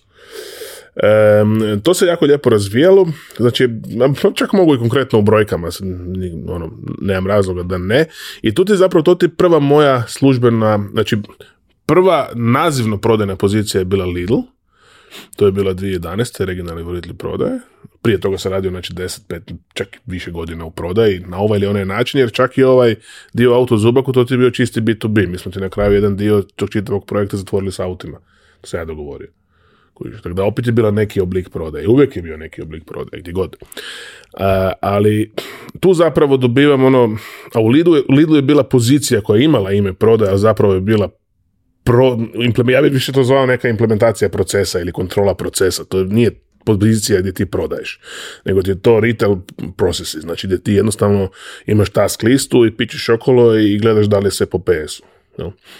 A prva prava prodajna pozicija je zapravo ta bila 2012. gdje krećem u tu priču sa Atlas Kopkom, odnosno sa brendom koji se zove Chicago Pneumatic. Preuzimam regiju od e, osam drž- 7 država, to je znači XU plus Albanija i dobivam još Bugarsku vrlo brzo nakon toga i krećem po terenu. Upoznavat ljude, distributere, krećem sa nekakvim, znači postajao je neki promet, neki gdje, ne, koliko je bio promet? 400 nešto tisuća eura je tad bio promet aktivan i sa tendencijom pada zadnjih, ne znam, 6-7 mjeseci. Nakon tri mjeseca sam preokrenuo krivulju i od onda sam narasao, znači tih šest godina što sam bio tamo sam došao tih 400, ne znam, 60-70 tisuća eura na 3,2 milijuna eura. S tim da sam, i tad sam skužio, ja sam vrlo brzo skužio kako prodaja funkcionira, da ja sam onaj relationship based sales, da je ono bitan taj odnos, da je bitno biti iskren, otvoren, komunikativan, ne bullshitat previše, znači ono, sad govorim u najosnovnijim mogućim crtama. Taj dio mi je vrlo, prirodno mi je dolazio, jel? I imao sam tu potpunu slobodu jer mi je eh, šef bio u Poljskoj. Znači dobio sam zadatak, dobio sam target, znao sam da mi taj target treba da se zatvorim ovaj, MBA i deri. E tad sam radio, u početku sam između 60 i 80 tisuća kilometara godišnje radio. Autom, po čitavoj regiji. Sve sam autom išao. Sve sam autom i onda sam u 2015. Krajem 2015. sam dobio još sedam država, tada sam imao ukupno 15 država, od Poljske do Crnog mora. I onda smo se razišli 2017. 3.7.2017. Na ružan način. To je najružniji razlaz bio. Ali to tako biva s korporacijama, valjda, ne znam. E, kaži mi, ovaj, u tih šest godina koliko si radio, mhm. šta su najvrednije stvari koje si naučio kroz, kroz ta iskustva kroz koja se prolazi? Jer opet, ulaziš u nešto što ti imaš dosta slobode u cijeloj toj priči, jer mhm. to tržište, ok, ono raste i značajno je nekako poziciono i sve, ali u prometu sigurno nije pretarano mhm. značajno za, za, za tu firmu postaje, mm -hmm. kako raste postaje, ali nije pretjerano bitno, ali opet to je sistem koji ima svoju strukturu, mhm. koji ima neka svoja pravila i sve ostalo, koji ti vjerovatno daje i neke alate sa kojima radiš, daje ti neke materijale sa mhm. kojima radiš. Ono, prvi put ili drugi, ako gledamo Lidl, mada nije takva pozicija, dolaziš u sistem u kome zapravo nešto možeš da dobiješ od sistema sa čime možeš da radiš dalje. Je. Yeah. Je, i tu ti zapravo, mi smo ti imali ono, kvartalno barem jednu edukaciju, što od internih edukacija kako koriste određene softvere, što od internih edukacija što se tiče kulture same firme, znači ono njima je people culture bio izuzetno bitan, još uvijek dan danas je. Um, preko naravno vanjskih stvari, vanjskih treninga, trenera, što vezano uz prodaje, što vezano uz leadership. Jer to ti je bila pozicija gdje sam ti ja zapravo, vodeći sve te države, aj, čisto da objasnim, znači to je bila distribucijska prodaja. Znači gdje bi ja imao u svakoj državi nekoliko distributera koje bi ja handlao. Drugim riječima, ja bi prodavao kroz njihov Salesforce, Znači kroz njihove njihov tim prodavača. Znači, ja bi trebao biti dobar i sa menadžmentom, i sa nabavom, i sa njihovom ekipom na terenu a svako ima neke drugačije potrebe. Znači, nabava naravno ganja cijenu, jel, management ganja neki odnos da se, da se ono sjetiš njih kad je nešto bitno, da ih pozoveš na neki distributor meeting, da ih se počasti tu i tamo i to, a ovi prašinari, što se kaže, prodavači, jel, e, oni hoće pak edukacije da im pokažeš, da, da ih naučiš, da koji put dođeš sa njima na teren i kad te zovu da im se javiš da im riješiš problem koji im gori. I sad ti imaš s jedne strane, zato smo mi jako puno leadershipa radili. Jer ti moraš, osim prodaje, znači same prodaje, moraš naučiti jako dobro voditi ljude. Indirektno. Jer pazi, oni meni nisu na plaći, a ja ih moram voditi. I njih ima mnogo. I jako mnogo. A oni svi moraju da imaju nekakav osjećaj, ne bliskosti, ali razumeš šta hoću da kažem. Da, i kad ti dođu, ne znam, jednogodišnje njih 100-150 na neki distributor meeting, da ih se znaš. Kojiš. Tako da, pa da, to je isto ono training i da znaš koje si s njima imao situacije. Ono, ja sam stvarno bio predan tom poslu i uživao sam u tom Imaš jedan CRM u Da, otprilike. da, nema tog CRM-a koji ti može ovaj tu gore zamijeniti. pa je bilo, jedno trenutno bilo forsiranje CRM-a i ja sam na kraju preuzeo CRM. I ovaj to nikad neću zaboraviti. Znaš koji je najčešći broj telefona u CRM-u? 1, 2, 3, Ovaj, email je ono eh, ime.prezime.com otprilike. Tako da eh, ime.prezime eh, at com ili ne, ime at prezime.com to, permutacije toga je bilo. I smiješno mi je bilo kad sam onda gledao onda se ja sad si razmišljam čekaj ako je ono toliko smeća u CRM-u šta će mi? I šta radim s njim? Više ono, onda bi trebalo ono u kojem statusu je prodaj, pa koje, e, da li je to lead, da li je ono topli lead, da li je hladni lead, koliki je potencijal za ovaj mjesec. Pa na ja rekao, onda sam na kraju se desilo to da su oni mene pitali na početku godine koliki, da li su mi target, ja bih rekao ok, ja bih ga ostvario. I svelo na to. Jer ja, kak sam ti ja onda na kraju, ja sam rekao, ja ne želim biti u stresu u prodaji. E, ovo je možda, ovo je zgodna stvar. i onda kad ti korporacija spusti target po regijama, ja dobim svoju brojku koju moram ostvariti na tu kraju, na, kraju godine, to ti obično se događa e, krajem e, tekuće godine ili početkom godine, jel? znači ili u prvom ili u 12. mjesecu ti dobiš brojke za sljedeću godinu. E sad, ono što je fora, to je obično svim kolegama u prodaju bio najstresniji dan i kad su se najviše bunili. Kad kažem najviše budeni, kad ti korporacija da brojke, to je obično 20, 25, 30% više ili 15%, zavisi od godine godine, kako su oni izračunali u odnosu na prošlu godinu i naravno opća pobuna vi niste normalni, to je neostvarivo, to nema smisla, to se ne može, zašto stalno do toga moramo rast, pa šta nije dovoljno ovo, znaš, mindset, krivi. E, ja sam ti vrlo brzo jednostavno onak, pa 20%, 20, jebi ga 20%, šta sad, mislim, moraš rast, moraš rast, šta sad. Meni to bilo fora, meni je fora kad graf ovako ide, ono, kad mi je ovako bezdosadno, jel? Ovaj, I što bi ti ja napravio? Ja bi ti uzeo taj njihov target, ako je target to bio 100, ja bi ti odmah to prepravio u 110 i spustio na sve svoje distributere.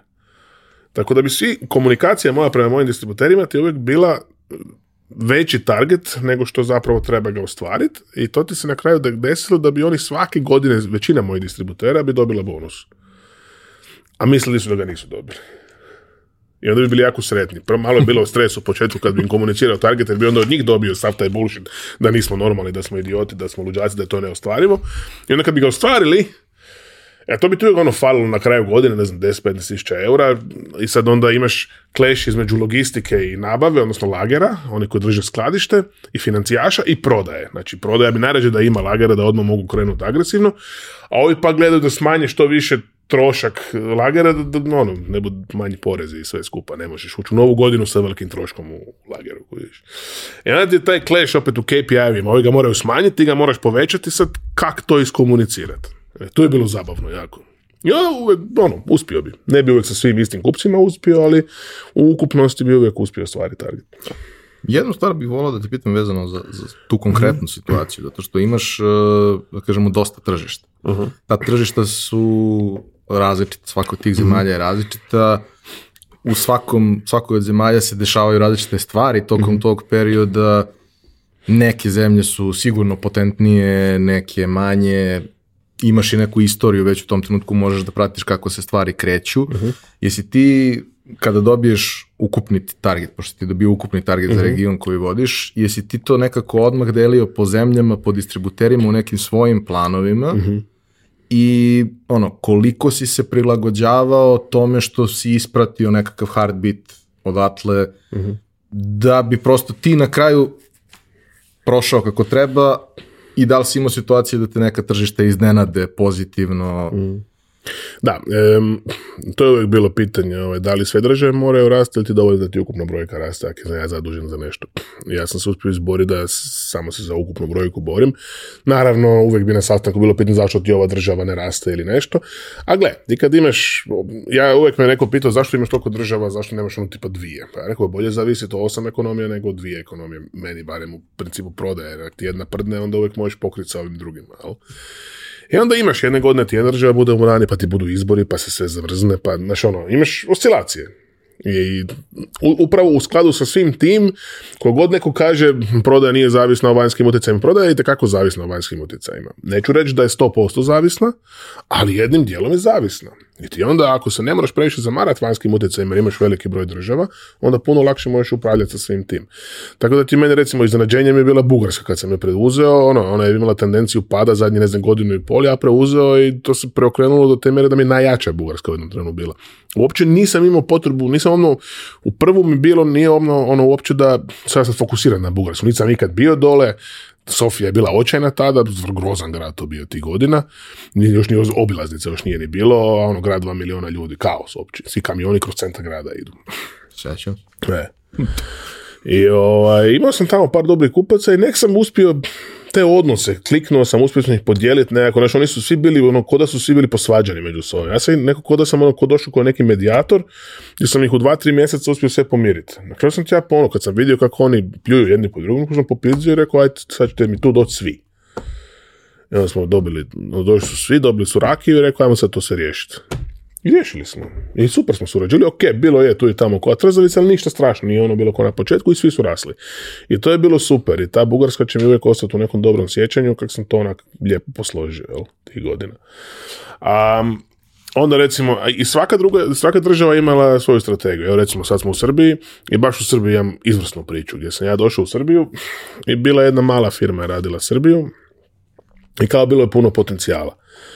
I na kraju sam ti ja se upoznao s jednim kolegom iz Novog Sada i on ima takvu priču, takvu viziju šta bi on napravio s tim brendom da sam ja rekao ok, ajmo onda tako.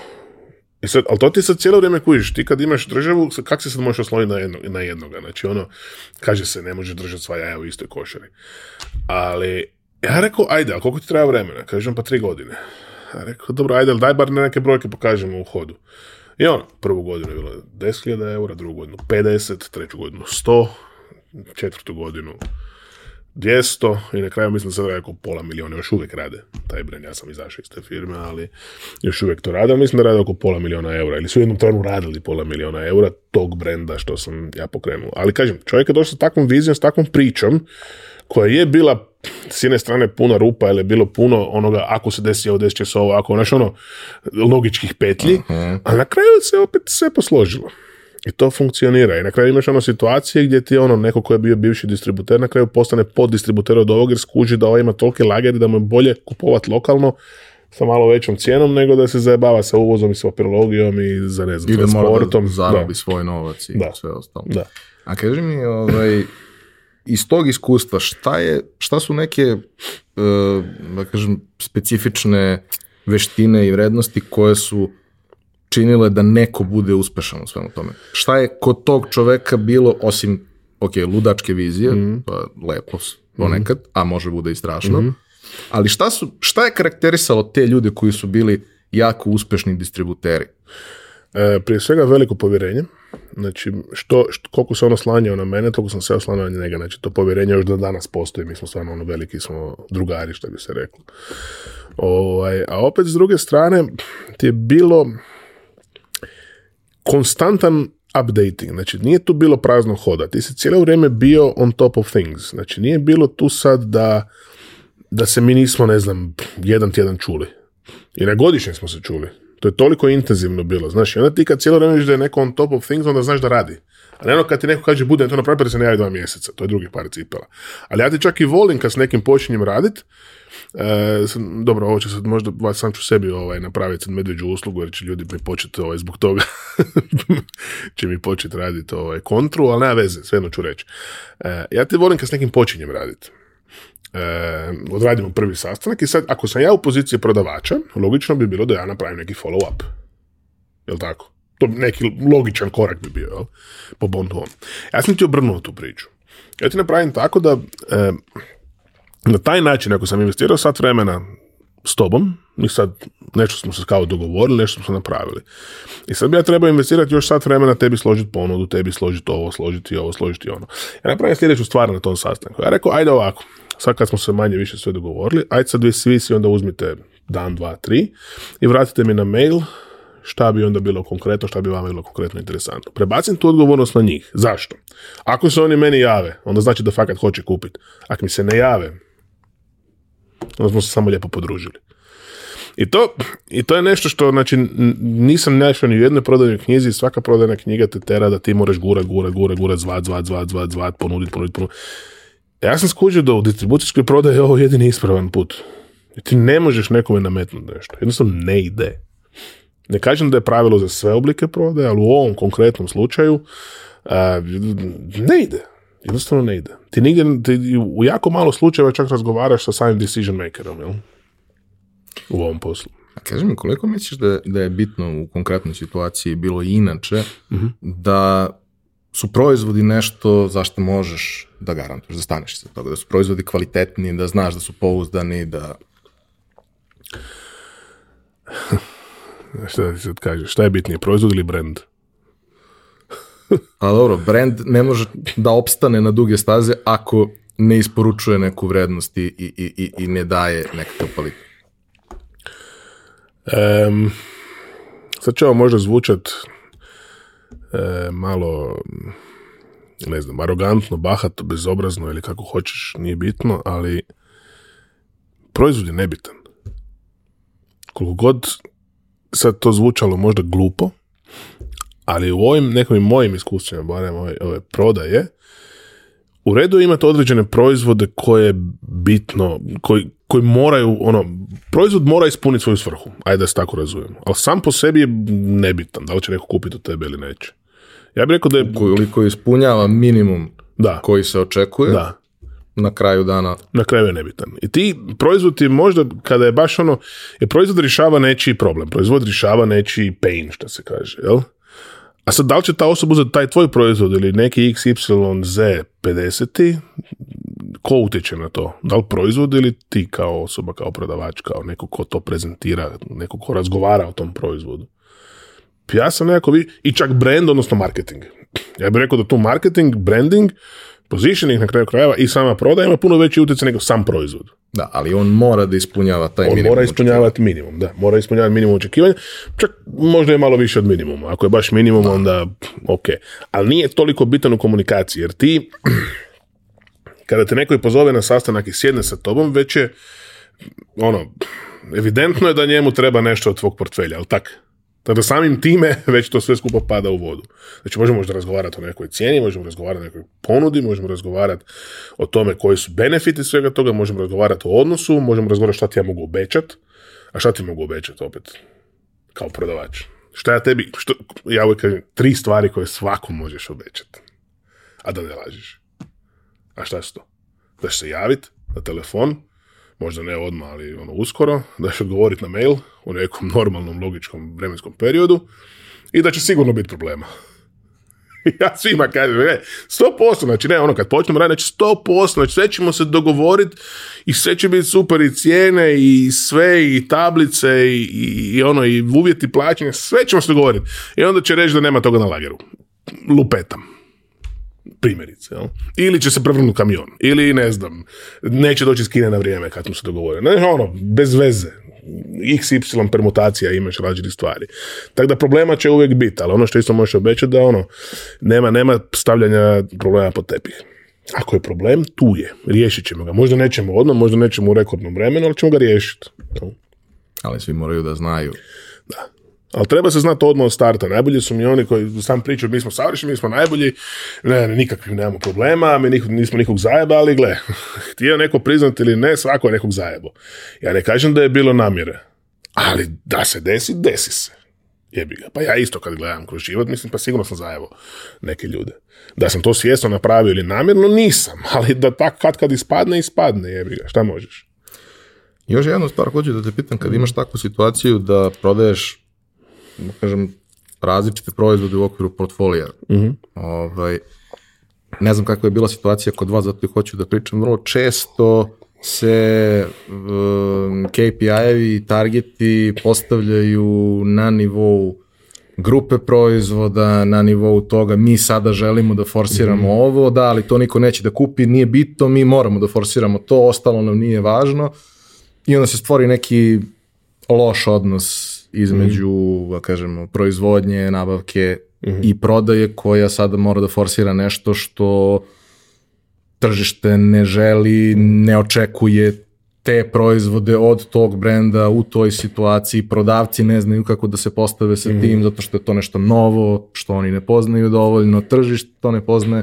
Generalno je kompleksna situacija. Mm Kakav je kod tebe bio target i da li ste imali takve situacije u kojima imaš situaciju gde prosto nešto moraš da rešiš, a nemaš baš mhm. način da to uradiš? imam ovako, imam čak i neke primjere koje ti mogu dati po tom pitanju, daš ti konkretne primjere baš na ovom našem tržištu. E sad, bi prije napravio jedan samo korak nazad, samo da objasnim zašto dolazi do toga. I to mi je trebalo neko vrijeme da skužim, ali zapravo šta ti se događa? Ti imaš jedan začarani krug. Imaš nabavu, imaš prodaju i imaš marketing.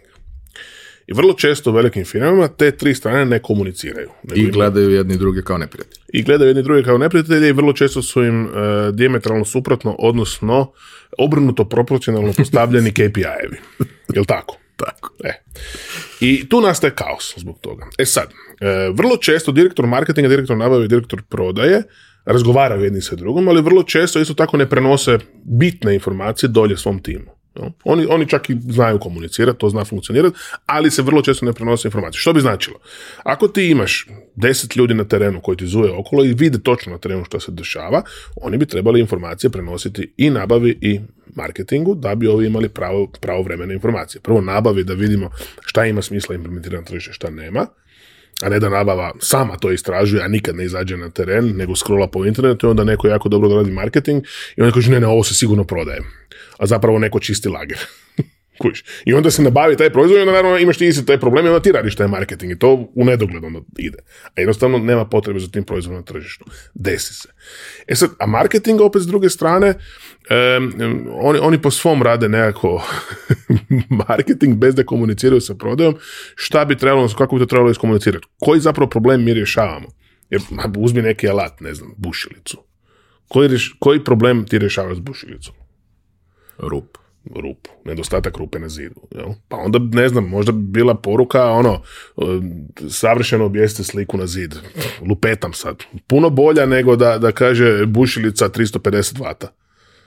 E, šta ti to znači bušilica 350 vata? Pa ajde, igrajte se malo, znaš. E sad, primjer. Evo ti ovako jako dobro odrađenog, e, odrađene čitave priče. Znači, baš tada, negdje 2014. godine, firma za koju se radi zvala se Chicago Pneumatic, to je ta korporacija, odnosno brand koji se ja zastupao.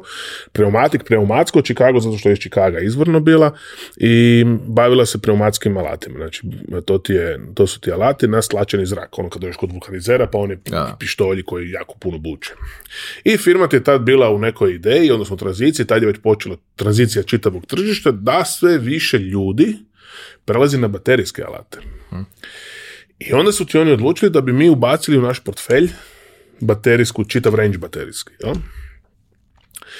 I to ti je bilo napravljeno s jedne strane malo nespretno, a s druge strane meni idealno. Jer je bilo dovoljno nedorečeno da sam ja mogao doda stvari koje su meni trebale. u smislu i marketinga i nabave i svega. Tako da ti se desilo da smo ti mi doslovno došli na nekav sastanak i nama je kao iznenađenje pripremljena ogromna torba puna tih novih baterijskih alata. Bez puno objašnjenja. Jel? I meni je to bila savršena prilika. Da sam ti ja uzeo sve te baterijske alate, otišao kod svojih najboljih ovaj, distributera, podijelio im i rekao ajmo na teren, idemo obić ljude i da vidimo kako će se primiti. I da vidimo gdje da cjenovno to pozicioniramo.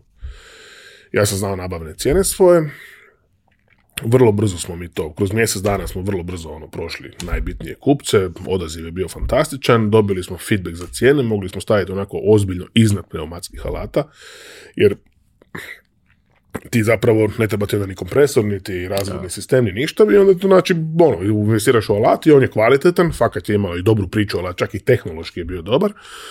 Ovaj, I mi smo ti u jednom trenu, u prvih šest mjeseci na Balkanu, imali bolju prodaju od čitavog SAD-a. Znači, mi smo bili number one u svijetu. Znači, oko 100.000 eura novog novca toga lada se prodalo u regiji, ono na... Bez letaka, bez e, ne znam kakvog marketinga. Znači ono word of mouth, pročulo se. I to, evo, to ti ono, primjer da se neke se stvari mogu. Znači u jednom trenutku čak i nestalo lagera kako smo toga prodavali. Um, I onda je poslije to nekako, i onda su oni htjeli rast, rast, rast, rast. I rekao, a dokle rast? Mislim, stvarno su dobri, ne kvare se, nema problema, nema garancija, ne, stvarno je super, tri godine garancija bila, sve su, ali ovdje imaš beskonačnost, mislim, postoje još uvijek kupci, tradicionalni kupci koji hoće kupovati pneumatske alate, tako da treba neki te balans biti cijelo vrijeme. Da, imaš naravno i taj moment da postoje već brendovi koji godinama prodaju. Tako je. Ove, na baterije alate i da prosto ono, majstor koji 15 godina koristi makitu neće promijeniti makitu. Pa naravno, i onda evo, imam ti još jedan primjer kad nešto nije uspjelo, kad marketing, marketing i pushing, bilo kakav pushing, da, sam, da mogao sam se na glavu postaviti, nema šanse da to prodam. I, i onda ću ti na kraju reći zašto sam tu uspio, zašto tu nisam uspio. E, imao sam ti, zastupao sam tri brenda tada, znači kao Matic, Rodcraft i Fuji, ništa ne znači. Fuji su ti zapravo bili japanska verzija pneumatskih alata. uh i oni su bili kao najkvalitetniji. Japanska preciznost, je super i fakat jesu bili. E, ali su imali jednu veliku manu za naše tržište. Da pogledaj tvoju ruku, pogledaj moju ruku, uh sad zamisli ruku Japanca. Mhm. Poprilično manja, jel? I sama onda ručka od toga alata je bila ona Mala. Više za ženski. Da, ajmo to tako reći. Jel? I onda kad bi ga neko od naših tu krkana primio u ruku, onak, fali ti, Znači, ne fali mu, ne, ne, znači, glupost. Znači, savršen alat, ali jednostavno, znači, ono, kad, znači, ako se kupuje te stvari. Nije mi to to. to ti je to, no, ono, feeling. I onda mi neko kaže, jer, prodaja emotivan ili racionalan proces. Pa u većini slučajeva emotivan. Znači, ono, ti emotivno doneseš odluku i onda racionaliziraš tu odluku. Zašto si ne nešto kupio ili nisi kupio. O, ovaj, ali, kažem, i to, e sad, koja je sad moja uloga tu bila? Prvi korak, oni baterijski alati, ja sam 100% vjerovao u to i moja čitava komunikacija prema van kongruencija, sve ono što ja znam je izlazilo na način da ono, ljudi to žele kupiti od mene jer ja 100% vjerujem u to. Kod Fuji ja sam točno znao šta je problem tog alata, ja nisam mogao to ispričati. Ja bi njima rekao, super ti alat, je mali jedino. I ljudi bi se odmah uhvatili da ga malo mali, kako to misliš mali? A nego ga je u ruku malo faliti, onak, ručka ti je do tu negdje. Nije ono da, da van, nego tu ti je. Kaže, pa kako ću ja raditi s tim parom? Pa, to ti kažem. I onda bi ja sam sebe pokopao, ali ne bi mogao izbjeći da to ne kažem, jer jednostavno, znaš, ono, moraš. A razočarat će se. Ha, da. Da. Onda sam tražio tvornici gdje rade žene, pa sam našao u Bugarskoj jednu tvornicu, pa smo nešto tamo uspjeli probati. Neko precizno spajanje, ne, ne, ne, su frižidere su slagali ili tako nešto. A dobro, nađeš uvijek nešto. Ali kažem, to je recimo nešto bilo što ja nisam uspjevao. Ja kad bi trebalo neki puš napraviti za neki određeni proizvod, ono, znali bi me prozivati, ja bih rekao ne, nisam uspio. Zašto? Pa nisam. Ne, ne, ne jednostavno ne, ne mogu, ne leži mi, ne, želim, ne znam kako da se upravo... A jesi prenosio to da to kao postoji objektivan problem? Ma pa da, ali to ti je opet racionalizacija. Znači, to ti je racionalizacija koju sam ja sa svojim čitavim bićem 100% prihvatio. Ja šta god kažem, ja bi se uvijek vratio na to. Znaš, sam sebe sam sabotirao jer ja nisam dovoljno vjerovao u taj proizvod da, bi, da bi ga mogao ponuditi, odnosno prodati. I, ali opet se vraćamo na to, možda je fakat floskula, ali ti jak ne vjeruješ u ono što prodaješ, ne možeš. Mislim, možeš ti to na mišiće prodati, ali onda lažeš. I šta si napravio, onda niš. I to ti onda opet vraćamo na još jednu floskulu, svako može prodati jednom. Ali nije poanta prodavati jednom, poanta je ono stvoriti kupca za cijeli život, jel? Što se kaže. Ili prodavati repetativno, ili sa nekim stvoriti odnos. 2017. si, kažeš, izašli iz te priče i to se nije završilo baš dobro. Da. Ali si ti sad već imao vrlo ozbiljan track record i rezultate mhm. i sve ostalo i bio internacionalno mhm. prepoznat u tom jednom širem regionu imao si već i, i, i znanje, prošao si i dosta tih treninga. Šta je bila tvoja ideja za dalje? Da, E, ovako ti je to. Znači, 2015. si se, mora se dve godine vratiti nazad, prvo da mhm. ti kažem kak je krenuo taj put prema dolje. Znači, tu nisu trpili ni rezultate ni ništa. Znači, rezultati dalje sve je bilo sjajno i razvaljivali smo i to je bilo super. Nego se dogodila promjena u timu. Onaj koji me zaposlio je otišao na drugu poziciju, dobio sam novog šefa s kojim nisam baš, ajmo reći, kliknuo. Ne kažem da je loš čovjek ili nešto, nego jednostavno nismo se našli na istoj valnoj duljini. I ovaj, desilo ti se to da sam ti ja u jednom trenu malo baš ono, već se počeo i ponašati ko seronja prema njemu, jer sam ono, neću reći sabotirao, ali nisam baš htio igra kako on svira. Jel? I to mi se počelo pomalo obijeti u glavu. Malo po malo. A ja sam ti 2015. na kraju MBA-a sa kolegom, moj završni rad na nba u je moja današnja firma. Mi smo ti kao otvorili firmu, ali kao on na mamu, ja na ženu tek toliko da bude sa strane. Nismo mi tu nešto radili, nek smo onako pripremali se za neki exit znam, za dvije, 3, pet godine, nije tu onako sa strukturiranog plana, ali ono, tu i tamo bi odradili neku možda edukaciju, radionicu i pomalo smo se pripremali da vidimo kako će to sve skupa funkcionirati. I to se znalo, ja sam to otvoreno komunicirao u firmi, na LinkedInu je otvoreno stajalo da imam tu firmu i to je sve to, da sam tamo lecturer i to je to. I onda ti je ovaj, kad je ono, when the, when the shit hits the fan, E, kad je došlo do, te situacije, jednostavno sam opet pozvao na razgovor i to mi je predstavljeno kao e, ozbiljan problem, odnosno da sam ja tu u sukobu, da sam ja neke stvari radio sa strane, mimo njihovog znanja, da sam ja koristio ne znam, resurse korporacije za razvoj svoje firme i takve neke stvari. Što je notorna glupost jer se zapravo desilo to da jedan moj distributer u BiH je ovaj, nešto sam radio, bio sam govorio na neku konferenciju u Sarajevu. I fora je bila da sam, ja uvijek otvoreno pričam sa svima i svima kažem sve što radim, nemam šta skrivat, mislim. I tak sam njemu pričao da ću biti u Sarajevu i ako hoće da dođe. I on je fakat došao, slušao to predavanje i dobri smo se ono bili, sve super divno, krasno. I on ti zapao u neke financijske probleme i ostaje je dužan 20.000 eura korporaciji. I onda ti je e, pozvao mog GM-a, znači general menadžera, na razgovor da kaže da sam ja njega naterao da on ide u Sarajevo na slušat moj, kao da mu neće neće prodavat i da sam mu nakrcao lager da on to uopće nije htio kupiti. Pa kak ti nekog možeš, ja sam njega naterao da on kupi. Pa mislim, brate, mi li prodaješ taj brand tri godine, što sam te naterao, kupio si, šta, bi sad ti trebao? Isporučeno ti, potpisao si, prešla granicu, znaš ono, kak ja tebe mogu naterati da ti to kupiš? I ovi su ti popušili tu priču i onda su ti to okrenuli da sam ti ja to u Sarajevu bio za svoju korist, da sam koristio resurse firme i tako dalje, tako dalje. I na kraju je to bio najbolji udarac u guzicu ikad koji mi se desio. Opet stihijski. Još jedan korak naprijed, jel? Gdje sam se samo da ozbiljnije počeo baviti firmom, vrlo brzo se po Poljskoj pročulo da sam ovaj, opet na tržištu rada i možda za dva mjeseca sam dobio poziv iz Poljske, iz Magneti Marelija, talijanske korporacije, da li bi radio za njih. Pa ja sam rekao ono, može, ali sad više stvarno ja u korporaciju više ne idem, jedno može po mojim uvjetima.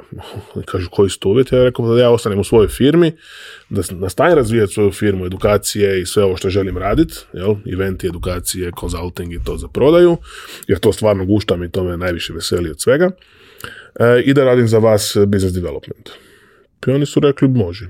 Pio sam gore, potpisali smo papire i evo još dan danas radimo, oni me podržavaju, cijela knjiga je dobila, bolje cijela knjiga, cijela firma, gore njih 50 su dobili moju knjigu sad na engleskom jeziku, svima sam podijelio, ponosni su oni na mene, ja na njih, zajedno rastemo, ja kako u svojoj firmi, tako i sa njima, i sa njima je jedan konstantni rast, tam sam isto evo preuzeo sa regijom 270.000 eura, sad sam na milijun i Tako da, ja točno znam šta radim, ali nemoj me ono, maltretirati sa onim, što se kaže, korporativnim bullshitom. Tako da nisam, znači neko reći možda nisam team player.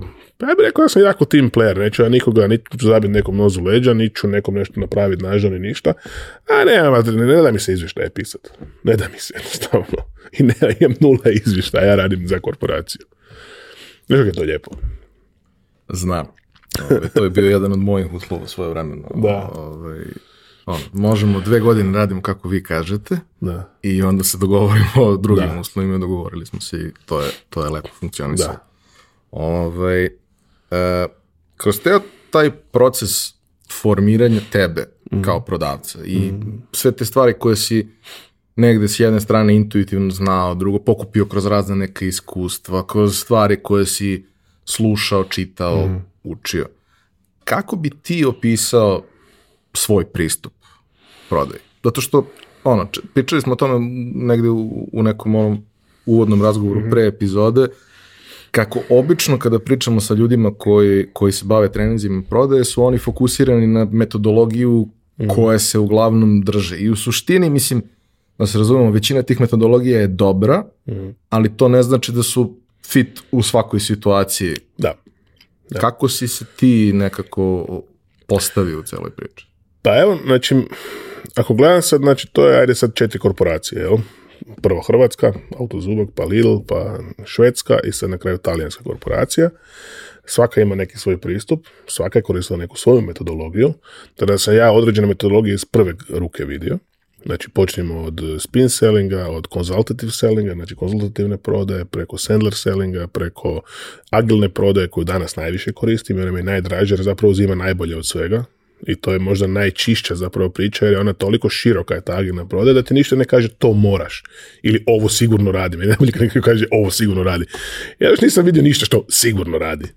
Znači, ne može biti 100%, ja bar to nisam vidio. Jel? Pogotovo komunikacijski, ti ako imaš osobu sa druge strane, to jedno imaš kompjuter s druge strane, pa točno možeš predvidjeti šta će on raditi. Ali ljudi su nepredvidivi, ti ne možeš predvidjeti osobu s druge strane i se, na kraju krajeva, ono, jedna od mojih onih poštapalica je, pa nije svako ni tvoj kupac. Ne moraš se uopće, zašto bi sad, sad trudio svakome prodat? Pa neću, prodat ću onom kom ja želim prodat. koga vidim da mu mogu pomoći time što mu prodajem. Sad ono, ajmo još jednu flosku onda, prodaja jednako pomaganje. Pa sad baš ono, pomaganje za pare, ajmo ako ćemo biti realni. Jel? I to može biti, i to bi tako trebalo biti. Da da li je to uvijek tako, čisto sumnjam. Jel? Da li ima uvaljivača? Ima. Spomenuo se prodavača rabljenih vozila. To je, ono jedna, to je prva asocijacija po Danielu Pinku kad nekoga pitaš riječ prodaje, odnosno prodavač, jel? prodavač rabljenih vozila. E, prvo prodavač vozila, onda prodavač rabljenih vozila, to su posebni ljigavci. Jel? A i to se počelo mijenjati. I to se počelo mijenjati. Ja sam ono, uvijek kupio rabljeni auto jer mi je super interesantan taj razgovor sa prodavačem rabljenih vozila. I ovaj, i koda su se smirili. Znači, ono, koda više nema, nema guranja. Znači, sad je više ono, znaš, prije bi bilo, barem u Zagrebu tako, tamo kupujem auto. Jel? I sa nekoliko njih, ono, uvijek kad idem neki auto si novi tražiti, ja užasno često mijenjam auto jer mi je to hobi. Ovaj, I fora mi razgovarati sa njima, prije ti bilo kad si 2008, 9, 10, 11, 12 pričao sa njima, onda bi te uvjeravali kako nije skidana kilometraža. I to je bila glavni, glavni fort. Ma ne, garant, ma to ono, garantiram, nije sigurno skidano to, to, to je ono, a skidano sa 200.000 km skinuto. Danas, uopće ne žele razgovarati o tome više. Ti ga pitaš, ovaj, pa jesu, jeste provjerili kilometar, kaže, ma ne, mi to ne radimo, hoćete provjerite se možete tu na kar vertikalu, mi se uopće time ne bavimo. Uopće ne, znači ono, totalni ono, otkantavaju te od toga, uopće ne žele razgovarati. I to mi je fascinantno bilo, to je ono postalo, znaš ono, kad, kad, ti se i nasmiju, znaš ono, kad pitaš pa je, su kilometri pravi, ono, ha, ha, ne znam. Doslovno odgovor, ne znam. Kaže, ili nemo me to pitati uopće. Znaš ono, sjedi auto, vozi, probaj ga, možeš ga testirati, vozi ga majstoru, nek ti provjere kompresiju, nek ti ga spoje na sve kompjutere, ili ga kupi ili ga nemoj kupiti, znaš. Dobro, malo se desilo i to da zbog covid imamo tu situaciju da novi automobili kasne mnogo i da su samim tim cene polovnih otišla dosta gore i da nemaš izbor koji si nekad imao i da sada ono, ne znam, auto koji sam ja kupio pre dve godine mogu sada prodam za 3000 više nego što me je koštao i šta onda da radim pošto nemam šta da kupim. pa dobro, normaliziraju se cijene, sad se smiruje Lagano yeah, i ok, sve oni, da kažemo, generički e, novi automobili su dostupni onim nekim standardnim mm. paketima opreme, ali ako tražiš nešto što je i ole ovaj, kastomizovano, to je, to je pakao. Ovaj, ali e, ima ona fraza koja, koju često koriste prodavci, koja mene užasno frustrira, mhm. pričali smo o tome, hoću malo da pričamo i sad, da prosto ti kažeš svoj ugao gledanja, jer sad će da ispadne da ja napadam prodavce, ti ih braniš, ali nije u tome stvar. Ovaj, naravno, postoje razne vrste kupaca, postoje razne mhm. vrste proizvoda, postoje razne vrste prodavaca. Mhm. Ali postoji taj moment kada ti prodavac kaže uh, prodaja počinje onda kada ti kažeš ne. Mhm. I ja kada kažem ne, tad se završava svaki mhm. razgovor. Ali, ok, ima nas raznih. Mislim da je ta rečenica uh, mnogo lošeg donela mhm. prodavcima, da ne treba da je koriste, ne treba nikad da je kažu, možda su je negde čuli, ali nikad ne treba da je kažu ja. Mm. E, ja ću se složiti s tom, ali ću je pojasniti tu rečenicu. E, dakle, ovako. Donekle ta rečenica ima smisla ako se ovo ne proširi. Znači, šta to točno znači? te, tebi neko ne, može reći ne i zaista stajati iza tog ne i to je sasvim legit ja bi tu rekao ok, ništa, ako se predomislite javite Ja bi prvi to napravio. Ali postoji onaj ne koji je straha kad neko nešto ne pozna, kad ne pozna proizvod, kad ne pozna uslugu, kad, ne kad jednostavno ne razumije šta mu se uopće nudi, onda ima smisla kopa dalje. E sad je tu i na prodavaču koji je educiran, koji mora biti čak psihološki dobro educiran, da može takve stvari prepoznat. Znači ono, kad mi kažeš ne i počneš me školjiti, onda mi je sumnjiv taj ne. Kad mi kažeš ne, gledaš me u oči i onakvi proklinješ, onda znam da je to fakat ne. Kužiš? Ne mogu ja sad točno ocijeniti, ali mogu onda postaviti dodatno pitanje ili mogu ti reći ono, jer to sada ne ili to ne generalno. A šta misliš, zašto su, zašto su prodavci na toliko lošem glasu? Odnosno, šta ti vidiš kao najčešće razloge za tako nešto? Povijest. Dobro. I to je čak dosta jednostavno za objasniti. Do, do pojave interneta, znači tu, tu, se, tu se nekako mijenja, mijenjaju se stvari pomalu. Do pojave interneta prodavač je bio taj koji je prenosio informaciju. Drugim riječima, informaciju koju dobiš od predavača imaš opciju A vjerovat ili opciju B ne vjerovat. Jel? E, kako su oni bili jedini koji prenose informaciju, šta si, nisi baš imao, mora si vjerovat. Mislim, na kraju krajeva, kak je krenulo? Door to door sales kucaš na vrata, prodaješ četke, prodaješ, ne znam, pastu za cipele, prodaješ bilo šta. Ovaj, super onaj film Founder, ne znam mm. si gledao. Da. Isto, od vrata do vrata. Ovaj, ali fora da, eh, oni su u jednom trenu su se prodavači malo i pogubili su shvatili da ok, ako ovaj nema informaciju mogu bilo šta reći, odnosno šta god on mene pitanje mogu reći da, mogu mu reći da dok on ne kupi, kad kupi baš im briga više.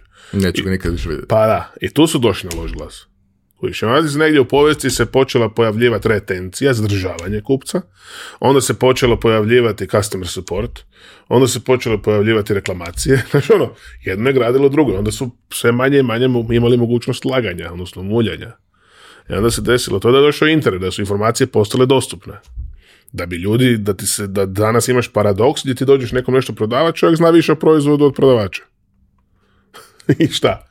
I kako onda? I koja je onda svrha laganja danas? Ne, nema svrhe. Nema, nema smisla uopće lagati. Ti možeš, to će ti Saša više pričat ono po NLP-u i to, ti možeš više ovaj, E, pričat o nekakvim komunikacijskim obrascima, prepoznavat određene komunikacijske obrasce, prepoznavat kad neko govori iz određenog uvjerenja, pa onda pokušat mu, ne, ne, bi čak rekao razuvjerit ga, nego razbit to uvjerenje određenim setom pitanja. To je legit. Ako osoba prihvati igru, prihvatila igru, ako ne, može biti ne i dalje. To je sasvim ok. Znači, ako neko ima čvrsto uvjerenje da je ovaj stol crveni, je bi ti sad mene iš uvjerava da je on crni? Ne bi imao svrhi ne bi imalo svrhe, kujiš. Ali da li bi mi postavio neko pitanje? Ja bi recimo, evo, da se iz meni kaže da je ovaj stol crveni, ja bi tebi rekao, ok, zašto misliš da je crveni? Po čemu si to zaključio, da je ovaj stol crveni? I onda bi ti meni ispričao zašto ti misliš da je taj crveni. Onda bi se jedno zezao na to što si ispričao, rekao bi ona, aha, znači temeljem tog iskustva da je, ne znam, ova zavijest da ti je neko rekao da je crvena, ti si Usporedno zaključio da je i ovaj stol zapravo isto crveni. Onda bi išli propitkivati zavijesu. Onda bi se zapravo totalno odmako od stola, od onog što je bio inicijalni problem, pričao bi o totalno drugim stvarima. I na kraju bi izašli uopće od pričanja o stolu i možda bi zapravo nastavili pričati o tome da bi se vratili da tebi zapravo interesantno to da je ovaj stol crveni. Odnosno, možda bi te doveo nekim drugim putem gdje bi ti shvatio da je zapravo ovaj stol je crveni. Sad, da li je to manipulacija? Ne znam. Ne znam kako da ti objasnim drugačije. Znači, mm, Znaju me, zna, ajde, daj me, ajde. Šta hoćeš da ti prodam? Čisto da vidiš kako ide razgovor. Da vidiš pa ćemo onda izvući, izvući ćemo ovaj... Svašta su me u podcastima pitali da ih prodam. Mikro. Mikrofon, dobro, budem. Ajmo dalje. Ajde ovako. E, kada si počeo da držiš treninge prode, uh mhm. e, na čemu si bazirao to kako treba da izgleda tvoj trening. Odnosno, koliko je trening, koliko si se ti pripremao da napraviš dobar trening, a koliko si gledao koja je potencijalna publika, pa da onda uobličiš to prema njima. Koliko je to bilo predavanje, a koliko je bila radionica, znaš, kako, si, kako si razvijao taj deo veštine? Evo, odgovorit ću ti uskoro, no prije, prije toga da te pitam jednu drugu stvar. Um, Jel voliš imati kontrolu nad ljudima? Pa, ne. Jer se zna da da govoriš pred velikim brojem ljudi. Vidiš da imaš tamo neke da, nagrade. Evo, Koliko često? Previše često. Za Previše često? Da. Znači introvertiran si malo, ne volim. Vrlo. Jer inače ovako tiho govoriš ili glasno? Pa ne pretjerano glasno. Ne pretjerano glasno. Drugim riječima, kada si ispred ljudi, zna se desiti da te neko u zadnjem redu ne čuje. Teško. Teško. Znači manja je prostorija ili dobra akustika? pa uglavnom kad je veća prostorija to dobro ozvuča. To je dobro ozvuča. Zvuk koji, glas koji je prodoran i kad je ti. Mislim, mhm. A osim u takvim prostorijama, jer kad kad radiš streaming neki, ne pretjerano često, ali da. Ne pretjerano često, zna se desiti da radiš streaming. Da. Znači, ako bi želio upotpuniti znači, čitavu priču da te svi čuju u prostori i da radiš paralelno streaming, trebala bi ti neka naprava da se to prenese, jel tako? Yeah. tako? Hoćeš da pričamo o takvoj jednoj napravi. Mislim, kužiš, nije, nije poanta da ti ja prodajem mikrofon, nego ajmo pričati da vidim koji bi to tvoj potencijalni bio izazov, koji bi tvoji potencijalni bili problemi, znači velika prostorija, možda te neko ne čuje, snimaš podcast treba ti, znači uopće ne pričam o samom proizvodu, nego idem okolo i gledam da li, da li potencijalno ti mogu riješiti problema, ja imam u torbi dole mikrofon koji ti mogu ponuditi a obično nemaš samo mikrofon i imaš nekoliko mikrofona, pa onda gledaš koji bi mi možda bolje odgovarao i da li mi treba još nešto. I... Ja nekoliko vrsta kablova, rasvjetu isto tako i Ali, mislim, jer, ti jasno u kom smjeru ide. Znači, nije poanta pričati niti o proizvodu, niti o tome šta ja nudim, nego da vidimo prvo s čim se ti boriš, koji su tvoji potencijalni izazovi, koji su tvoji potencijalni ovaj, problemi koje ti ja možda mogu riješiti, a možda i ne mogu. I zato ti kažem, ako ja vidim da ti nemaš niti jedan problem koji ti ja mogu riješiti, pa šta će onda jedan prodavat Zato, zato postoji ne. Zato je ne dobar odgovor. Najbolji, najbolji odgovor u prodaju je da, drugi najbolji je ne. Idealno ako je brzo. Da, da, da, da. Pa u 15 minuta bi, bilo bi idealno da u 15 minuta saznaš je da ili ne. Sve ovo između je jako velika investicija vremena. Dobro. Ajmo se vratiti na ovo što si pitao. E, treninzi i moja priprema oko treninga. Uh E sad, ako se vratimo na početak, to je opet počelo sve skupa onako, ajmo se igrat, jel, pa da vidimo šta će biti. I onda je naravno krenulo prvo e, krađa tuđih prezentacija, što svi rade, zato ja to mogu otvoreno reći, jer svi koji se bave ovim poslom, ako kažu da nikad nikome nisu neki slajd drpili, lažu čast izuzetcima ako postoje. Sad se ja generalizirao, ali čisto sumnjam da postoji neko ko nije nekom nešto uzeo ili je platio neku licencu pa je onda dobio od njih. Ovaj, mi smo krenuli tako da smo ono, sa svih naših edukacija do 10 godina prije, kolega i ja smo otvorili firmu, on je isto radio u korporaciji, još uvijek radim, e, onda je on sa svih svojih treninga uzeo sve slajdove koje imao, ja sve svoje, ja sam bio tada još uvjeren 2015. da ti, da bi mogu raditi dobre treninge, da moraš imati jako dobre slajdove. Usporedbi se danas kad uopće ne palim kompjuter na edukacijama, nego sve sa flipchartom radim, jer je puno interaktivnije. I tad sam, ja sam tad jednu godinu dana, ja mislim da sam na štancu jedno 800 slajdova. Sa našim logom sve je lijepo bilo uređeno, sve je bilo fantastično posloženo, odvojeno po temama, znači imam to sve još uvijek složeno, ne znam kad sam zadnji put otvorio to. Onda ti je krenulo to da smo krenuli malo po malo tako držati te neke edukacije, prvo kod poznatih ljudi, pa bi se zaposlili, pa bi nam neko platio, neko nekoga bi odradili pro bono, pa bi se kod nekoga ono doslovno e, za cugu to odradili tak. Malo po malo, tako da vidimo kako će se to uopće primiti. I onda smo skužili zapravo, to je još bilo, još smo bili na NBA-u, jel? I onda smo skužili da to zapravo nama jako dobro ide, pogotovo u kombinacija, onda smo tražili koja je naša diferencijacija jer je uvijek bitno biti drugačiji od drugih. Jel? I naša prva diferencijacija je bila to da smo oboje već ozbiljno vrijeme u prodaji, da imamo iskustvo u prodaji i korporativno i privatno i da imamo isto tako i da smo dvoje. Da smo dva trenera sa totalno drugačijim energijama i uvijek zajedno radimo gdje se nadopunjujemo. I to nam je bio forte i to smo u početku prodavali. I to nam je zapravo bilo super jer smo jedan od drugoga najviše učili. Jer onda ti, kad te ponese priča, ispričaš neku priču, pa onda iz te priče izvučiš neke stvari I to je ono uvijek, taj storytelling sam skužio da je abnormalno bitan u prodaj. Ali to ti je u početku stvarno bilo sve spontano. Mi bi imali raspisano onak hrpu toga, a sad u kojem ćemo smjeru ići nismo nikad znali. Kako nas odnese i kako nas grupa odnese. Da, da, osluškuješ naravno feedback s Onda smo ti vrlo brzo nakon otvaranja firme uveli nešto što se zove pre-work i to bi nudili ljudima gdje bismo ponudili, ne znam, ako imamo skupinu od 12 ljudi, ponudili bi mu uvijek da prije nego što krenemo u samu edukaciju, da sa, svakim, svakom osobom pona osobca porazgovaramo po 45 minuta da ih snimimo. Da dobimo dojam kakvi su to ljudi, šta očekuju, šta znaju, e, koliko se dobro snalaze, kakvi su rezultati, da im se približimo. Tako da kad dođu na samu edukaciju, da nemamo onaj efekt, sad je ovaj tu došao prostor, da će on nama tu nešto pričat. Ne, nego da se već znamo, da već bude nekakva konekcija. A mi bi imali, to smo našli, ja bi uopće ne znam gdje smo to iščeprkali, setu 12 pitanja koja su poluprovokativna i sad neke ljude koji vidiš da vrlo, da jako trigerira na ta pitanja, pitaš svih 12, neke ljude pitaš 2-3, nije bitno. Ali te na neki način usmjeravaju razgovore, dobiš otprilike ne, nije to psihološko profiliranje bilo, nego više prodajno profiliranje, da dobiš osobu kako razmišlja. Jel? I tako ti je to krenulo. Malo po malo, malo po malo, dobili smo onda malo veće ugovore, pa jedan jako veliki ugovor koji je trajao neki godinu, godinu i pol. I tu je onda nam se priključio, odnosno onda smo otvorili još jednu firmu, pa smo počeli konferencije, pa ti je nastao onaj Executive Sales Adria Summit koji mi smo izašli u međuvremenu iz te firme i kolega i ja. To je sad ostalo kod treće kolege, on to sad vodi, ne znam sad u kojem je to točno, ovaj, koja je točno vizija te čitave priče.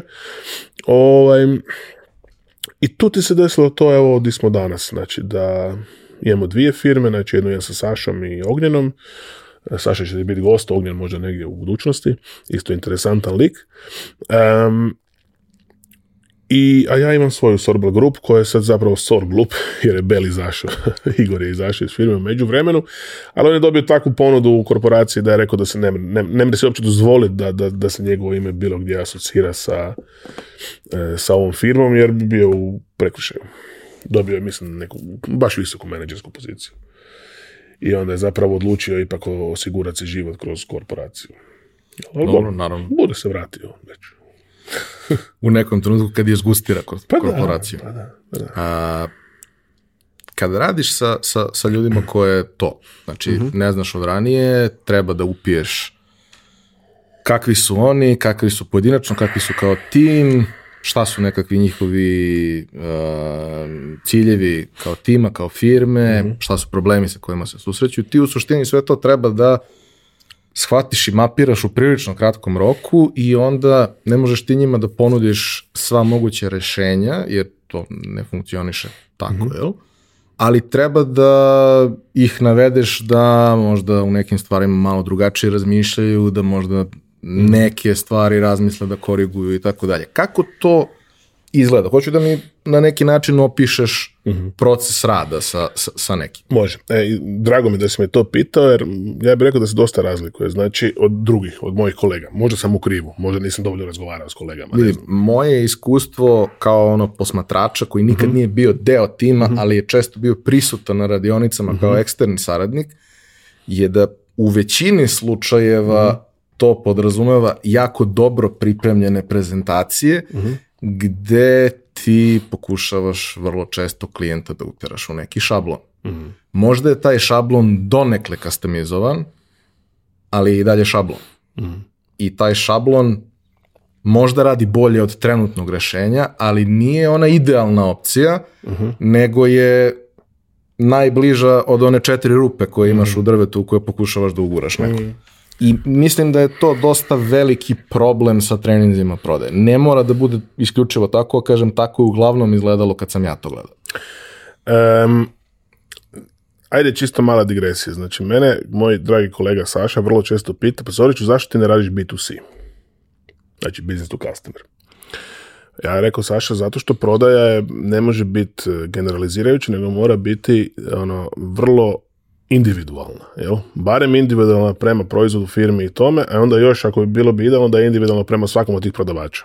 To bi bilo idealno.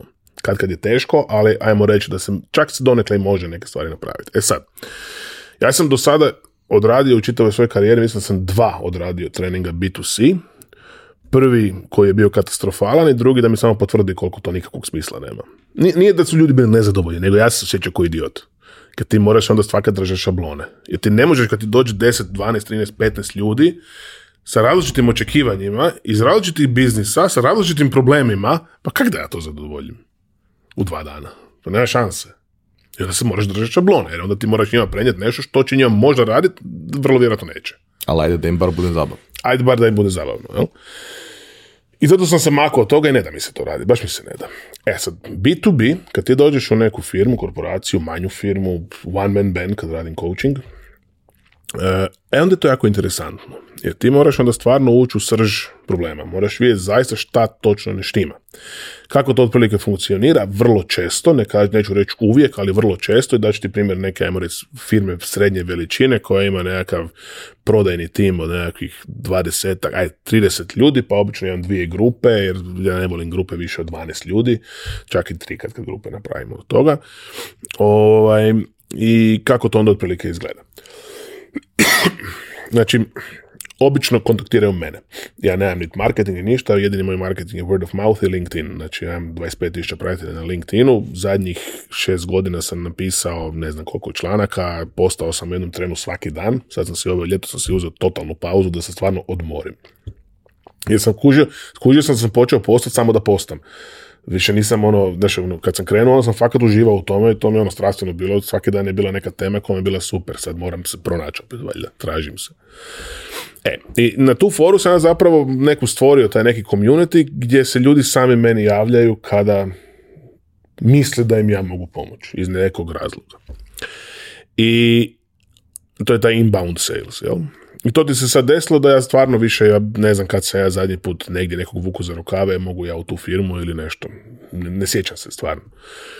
I slijediti ovako, znači javi mi se ili neko iz HR-a ili direktor ili voditelj prodaje ili čak ako je manja firma vlasnik firme. I onda se obično javili porukom preko LinkedIna ili nešto, ja obično odmah zovem ili ako mi ne ostave broj, napišem im broj i kaže ništa javiti, najbolje da me ne zovete pa ćemo onda prokomentirati pa da vidimo jesam ja za vas ili je možda neko drugi za vas pa ću vam preporučiti nekog od kolega. Jer nisam ja za svakoga i vidim ako vidimo komunikaciju prvi 10-15 minuta da mi je to firma koja previše brije na neke procese i neku prerigidnu strukturu, ja definitivno nisam za njih. To odmah kažem i to otvoreno komuniciram. Nema tu ništa loše ili dobro nego znam da ja ne mogu dati ono što njima treba odnosno bit će nezadovoljni, to ne želim. I onda, nakon toga, ono, ako vidimo da smo neki fit, dogovorimo neki taj inicijalni sastanak, ako je neka udaljenija lokacija, onda može i onaj video neki call. I moj prvi razgovor se obično e, odrađuje sa voditeljom, sa osobom koja inicira edukaciju. Ok? I onda oni meni imaju potrebu u jednom trenu, nakon što, ajmo, ajmo sad reći da smo se dogovorili. Jel? I onda oni meni imaju potrebu nakon dogovora dati svoj osvrt o svojim prodavačima, što ja ih odmah stopiram i kažem ne, ne, ne, ne, to mi nemojte govoriti jer ćete mi stvoriti filter. Znači ja ne želim vaš filtr, ja želim sa svojim očima otići, porazgovarati sa svim tim ljudima, a onda možemo komentirati. Pa vi uključite svoje filtere, ja ću onda svoje, pa ćemo preklopiti, pa ćemo vidjeti di se slažemo, di se ne slažemo. I onda ti se desi to da odradim individualne razgovore sa cijelim timom, 12, 13, 15 ljudi nije bitno kolika je grupa. I nakon što odradim, onda se ponovo sjednem sa menadžmentom i kažem koja je ideja, odnosno koji bi bio prijedlog edukacije i prokomentiramo svakog od, od ljudi koji su u sales teamu. I onda se zapravo vidi, jer kužiš, management može organizirati prodajni trening, ali ne znači da će menadžment znat točno što njima treba. To je ono što je najveća zabluda. Znaš, oni misle da znaju, jer oni gledaju, management menadžment gleda KPI, koji je možda zadan od nekoga trećega. I onda ti ako radiš prodajni trening samo u odnosu na taj KPI, vrlo vjerojatno nećeš ga ostvariti. Jer ne može to biti jedni fokus. On je rezultat. Ti se trebaš baviti procesom. Jel tako? Kako dođu do tog rezultata? A ako on nije sa njima na terenu, nego je, ne de Bože, onaj Excel menadžer ili nešto, on ne zna kako je na terenu, ne zna koji su procesi, ne zna što se događa i ne može staviti tu brojku u kontekst. Zašto neko je uspješniji, zašto neko manje uspješan. Možda neko ko je e, super prodavač ne može biti uspješan jer ga neko sabotira, ali ti to ne možeš znati jer možda ne razgovaraš dovoljno s ljudima ili možda gledaš samo brojke ili nešto.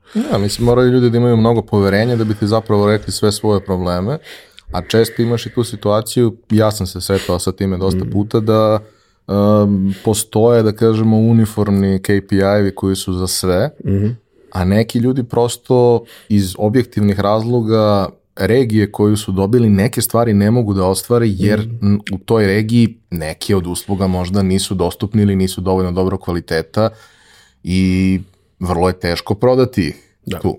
A tebi je to opet po nekom ono KPI ključu koji imaš, jedan od deo stvari koje je potrebno da uradiš da bi otključao bonusi. ti ne možeš to da uradiš. Koliko god da neke druge stvari možda dobro prodaješ, mhm. to ne možeš i tu postoji, da kažemo, niz problema. Ali ajde da te vratim samo jedan korak mhm. nazad. E, koliko često postoji ta neka značajna razlika u percepciji između menadžmenta mhm. i onoga što ti snimiš na tim, na tim razgovorima i gde najčešće ona ogleda? Mm -hmm. 50-50.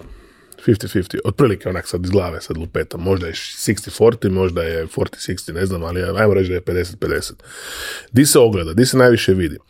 E, najbolji ti je primjer ovo sa KPI-em, gdje ti management zapravo gleda samo brojku, to ti je pogotovo recimo u call centrima, gdje ti oni, e, menadžeri preslušavaju pozive randomly. I onda ne mogu dobiti, znači ne možeš ti ako imaš tim od 20 ljudi koji su ti cijelo vrijeme na telefonu u call centru, ti ne možeš steći dojam ako preslušaš jedan poziv od jedne osobe svaki dan. Ne možeš znati šta se dešava. Ti treba fakat onda sjest i cijelo vrijeme umjesto muzike slušati te pozive da bi skužio ono tjedan dana, da bi skužio šta se zapravo dešava i di je problem u komunikaciji. Ako je problem u komunikaciji.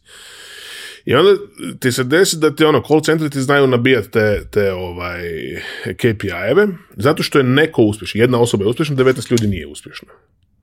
E sad, mene uvijek zanima zašto je ta osoba uspješna i onda idem analizirati. I onda ti se zna desit da ti ta osoba nije toliko uspješna Kako bi se na prvu činilo, nego je našla rupu u priči.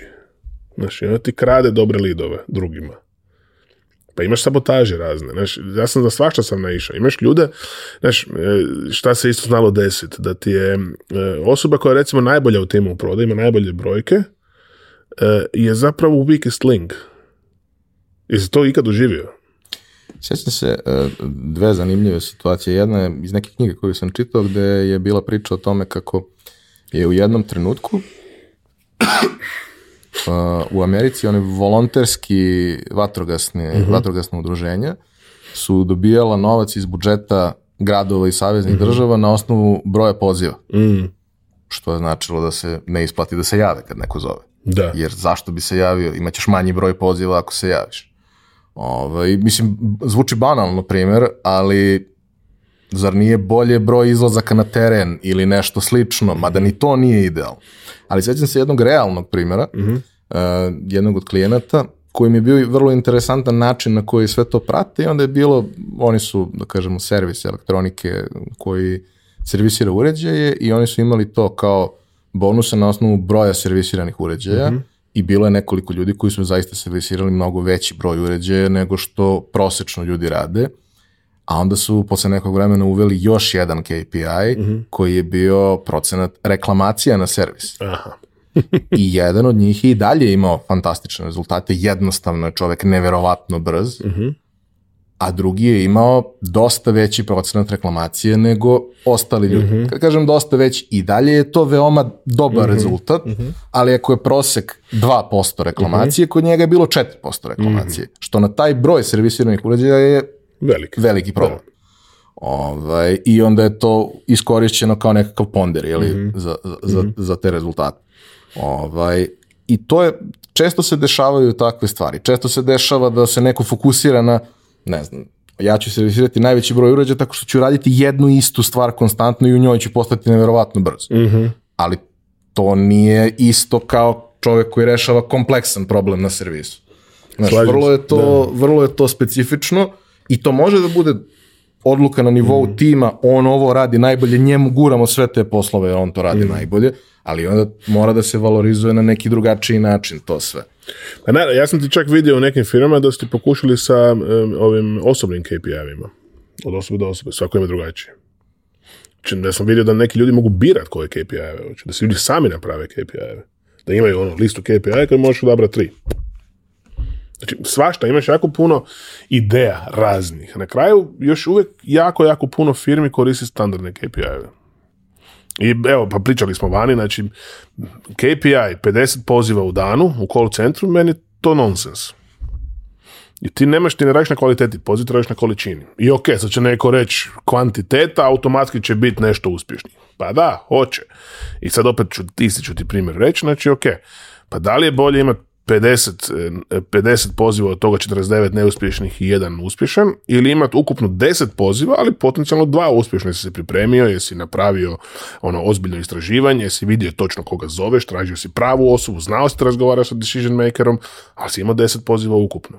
Ali si ostvario onda dvije prodaje. Ovako si odradio 49, ispunio si formu i jedan si ostvario i pitno li će se taj opće zadržati. Jer je vjerojatno uvaljen ili čovjek bio u takvoj situaciji da se nije ni snašao nego rekao da. Pa znaš, ono, zna se deset. Mislim, ja sam, ono, u, karijeri sam toliko tih poziva poslušao da, ono, mi je bilo u jednom trenu. Koliko su daleko ljudi spremni ići zbog KPI-a. Ali to opet nije dobro. E, kaži mi, jedna stvar isto koja mi je uvijek bila interesantna, ovaj, kada imaš neki veći broj ljudi koji rade u mhm. prodaji, imaš uvek jedan ili više timova ili zavisi kako je to podeljeno, jeli, od firme do firme ali koliko misliš da, da je dobro imati i timske KPI-eve, timske bonuse, tako neke stvari. U kojim situacijama misliš da je to dobro rešenje? I tu sam vidio puno permutacija, vidio sam čak timske KPI-eve koji su postavljeni na, na, na način da tim će ostvariti KPI ako svaki prodavac zadovolji svoj KPI. Znači ako njih pet zadovolji KPI, a jedan ne, onda tim ne dobiva bonus. I onda ti je problem E, što onda stvaraš um, netrpeljivost među ljudima, da. A opet je timski KPI ti opet može biti da imaš dvojicu fantastičnih, dvojicu tak tak i sad ovi žive na, na, na slavu ovih. Tako da nisam ni sam. Timski KPI može biti, ne znam, recimo polugodišnji ili godišnji, da onda ako je ostvare neki veliki target ili nešto, da se onda nagradi cijeli tim sa nečim, XY. Uh, e, i sad jako ti zavisi isto, KPI-evi su vrlo često krivo postavljeni, moraju biti postavljeni u odnosu na sales cycle. Znači ako ti je sales cycle tri mjeseca, onda ti nema smisla imati KPI-eve mjesečno. Nego možeš imati kvartalno ili polugodišnje. Jel tako? Minimum. Minimum. Jel, inače nema smisla. Ako imaš proizvod koji se prodaje od danas do sutra, onda ima smisla imati čak možda i tjedne KPI-eve. Kužiš. Ali, sad, šta reći? Da, da su vrlo često krivo postavljeni, jesu a na koji način ono, napraviti, sprovesti tu vrstu promene, pošto su firme uglavnom vrlo rigidne kad su te stvari u pitanju, mhm. ne žele to da menjaju. Mhm. Posebno ukoliko je to nešto što je došlo iz neke centrale i tako se radi svuda i ne možemo mi sad to da menjamo, nismo mi najpametniji i sve mhm. slično. Mm. ajde, promjena. Znači, promjena jednako problem. To je u firmama generalno, jel? A zapravo e, jedina konstantna jest promjena. To je, znači, promjena će uvijek biti, promjene trebaju biti. E sad, znaš šta ti je najsmiješnije od svega? Da ti kad kad management ima i odličnu ideju i fakat ono fair način nagrađivanja, a ljudi čim čuje da se nešto mijenja, automatski otpor. Ja se znam, evo, baš sam radio s jednom firmom i baš mi je lijepo s njima radit. I oni su ti napravili promjenu, da su ti napravili sistem više nije bio na postotnoj bazi nego u apsolutnim brojkama, tako nešto. Znači više nije bilo postotak od nečega, nego je bilo u apsolutnim brojkama su sustav nagrađivanja napravili. Neću sad predetaljno jer da ne smijem zapravo to reći. Ali desilo se to, zapravo s ljudima nije ništa promijenilo. U apsolutnim brojkama oni su čak i više dobivali novac. Ali ti je fora bilo da su oni, da, ali ja bi rađe 2%. Znači, u apsolutnoj brojci dobiješ više novaca, ali ljudski mozak, ne, ne, 2% meni je tu bolje. Ja, sve je percepcija. Uvijek je percepcija, znaš. I ne vriš ti, kad kad ljude, kad kad nema, nema, nema ni ne, ne moraš ni, ni truditi se mijenjati ljude. Ne, nema potrebno. Ljude ne možeš promijeniti, možeš sebe promijeniti. Možeš, možeš svoj odnos na, možeš svoju reakciju u odnosu na to šta se događa promijeniti, se prilagoditi. A ne ti nekoga promijeniti. On će to ili prihvatiti ili neće. Ili će se boriti protiv toga koliko je živ. E, mi, kroz ceo tvoj proces učenja i formiranja, mm. šta bi izdvojio, odnosno koga bi možda izdvojio sorry, koga bi možda izdvojio kao neke najvažnije utice, odnosno ljudi koji se bave prodajom, mhm. oni već kopaju po tome, već verovatno znaju i ko si, slušaju ovo što radite, mhm. imaju neki odnos prema svemu tome. Ali mislim da je to neko znanje i neka veština koju bi u principu svako trebao da ima na nekom bazičnom nivou, da razume kako mm. stvari funkcionišu, svakako će biti bolji u svakom poslu koji radi. Uh, koga bi ti preporučio kao nekakve s jedne strane uzore, sa druge strane možda autore koji su, mhm. koji su zanimljivi što se toga tiče. Ne, bez neke presije, čisto kao neki mhm. oslikavanje nekog landscape-a, šta bi čovjek trebalo da sazna. Pa ja ti mogu odgovoriti u tri dijela ovo pitanje. Prvi dio bi bio neki osobni, dakle, znači, i to je sad možda malo onak, ja znam, opet floskulasto, ali ja volim ljudima reći, tako dugo, ako imate doma posloženu situaciju, onda zaista možete sve. I to ti je ono, znači ja da nisam imao podršku doma žene, da sam stalno na putu da to sve radi dok ona doma odgaja djecu i to, pa ne bi ja tu za nas bio. Ili bi bio rastavljen ili bi bio ne mm, radio negdje od 8 do 4. Jel? Znači, doma treba biti posložena situacija da bi ti mogao se razvijati u određenom smjeru i razvijati samog sebe koji god da je posao. Znači, da radiš ono što želiš, odnosno ono što voliš. Ne da radiš zbog para, da bi preživio, nego da fakat uživaš u tome. Tako da, to je prva stvar to je prvi, prvi aspekt. Drugi aspekt su ljudi koji su me pratili kroz život, koji su mi bili moji nesvjesni mentori. Jeli, tu sad imaš znači, od doba animacije, taj evo, kolega Daniel kojeg sam spomenuo, pa onda u tom, e, kroz, kroz period e, autozubaka, moj nadređeni tadašnji Ivan, onda u periodu ovoga Atlas Kopka, taj Poljak koji me zaposlio, jel, Žegorš. Onda u periodu kad sam otvarao firmu, odnosno taj MBA period, kolega Igor s kojim sam otvorio firmu. To su sve ljudi koji su mene oblikovali, jel, kasnije sada Pšemislav, isto Poljak, koji me zapravo prepoznao da bi bilo super da radim u ovome, u Mareliju. Danas, evo, zadnjih par godina Saša isto, mi na jedan na drugoga jako utječemo. Kojiš, on ima određena znanja, ima određenu percepciju i on će ti govoriti o prodaji totalno iz drugog kuta ako ćeš ga pitati, jel? Jer on je u bitu sivo i on je sve sistem, sistem, sistem, sistem, proces, proces, proces, proces. I on jako rigidno to hoće sve složiti. Ja pak totalno obrnuto od njega, znaš. Tako da, jako puno utjecaja je kroz moj život bilo tih, ajmo reći, velikih ljudi koji su mali krug velikih ljudi, jel? koji su strašno, zaista baš puno utjecali na mene i na moj način razmišljanja. E sada, od knjiga, to bi bio taj treći aspekt, odnosno od nekih vanjskih autora koji su utjecali na mene, pa ja bih rekao, ono, ozbiljnije sa Zagrebu u biznis knjige negdje tamo 2007. 8. 9 Um, prvu osobu koju bi tu volio istaknut, meni barem nekako, sad imaš ljudi opet koji ga vole i cijene i ne vole, meni je definitivno bio tu Simon Sinek, ona priča mi je, čisto onaj podcast, on, ne ona, ona njegovo predavanje i zapravo sve što danas radi na temu leadershipa, meni se to sviđa. Ja osobno to mogu izuzetno ovaj, potpisati. Da, meni, meni to odgovara. Ovaj, o knjigama neću sudit, više sam gledao njegove videe nego što sam čitao njegove knjige. Čak mi malo su mi knjige, ona, nisu mi nešto, nemam dojam da je on baš pisac, on je više speaker i fakat je dobar speaker i odličan način razmišljanja ima. E, vratio bi se onda daleko u prošlost, jedna knjiga koja je onako dosta promijenila način razmišljanja od Napoleona Hilla Think and Grow mhm. Rich. E, u početku mi je strašno teška bila za Sad kad razumijem neke stvari mi je pitka i super mi je. Onda sam pročitao dosta ovih psiholoških knjiga i jedna od, od um, najpitkih, najjednostavnijih i koju bi svakom preporučio je Thomas Eriksona, onu okruženi idiotima i sva tri nastavka poslije, znači i okruženi psihopatima, i okruženi lošim šefovima i okruženi danas ova četvrta narcisima što je izašla nedavno Tako dakle, to, to su ono super knjige, meni osobno. Um, i sad naravno možemo, ok, možemo uvijek pričati o Grand Cardonu, možemo uvijek pričati naravno i o Jordanu Belfortu, mogu pričati i o Chris Vossu, mogu pričati o tim nekim knjigama. Neću reći da sam išao duboko u određene knjige, ali ono, ja, bi, ja sam ti više onaj tip koji, koji gleda, ja recimo puno podcasta gledam, puno slušam na YouTube-u te neke stvari i predavanja, i, a knjige više nekako skeniram. A ovo su ljudi, recimo Jim Quick mi je super. Ne znam si ga upratio. Ne. Jim Quick ti je, njegova knjiga ti je Limitless i zapravo govori o mozgu. Da. I sad baš sam ga sad slušao kad sam dolazio ovdje i super mi je kak je doslovno liku, ne znam, 17 minuta podcasta naučio kako lakše memorira stvari. I onda ti objašnjava, navede ti deset riječi, onda ti objašnjava kako ćeš i lakše zapamtiti. Super su ono, tehnike smo baš fora. Tako da je, on je vrlo interesantan lik. Joe Dispenza je fora. To moja žena puno više čita i upija, ali to je recimo vrlo interesantno njegov, njegov pristup. Čak bi ono rekao da sam možda malo i na duhovnost neku zabrijao. Ne, da sam sad ono da se molim ili to, nego da sam skužio koliko mi sami s ovim ovdje zapravo možemo puno, puno toga sami sebi odrediti. Znači ono, ono si što jesi, kak, kak da kažem to sad, da zvuči pametno. Znam što hoću reći, ali ne mogu se izraziti. Dobro, nema Da, ali kažem, jako puno, jako često mi sami sebe sabotiramo zbog naših uvjerenja. Jel? I onda sami sebi kažemo da nešto ne možemo, a zapravo nismo ni pokušali. I to je ono ogroman, ogroman problem.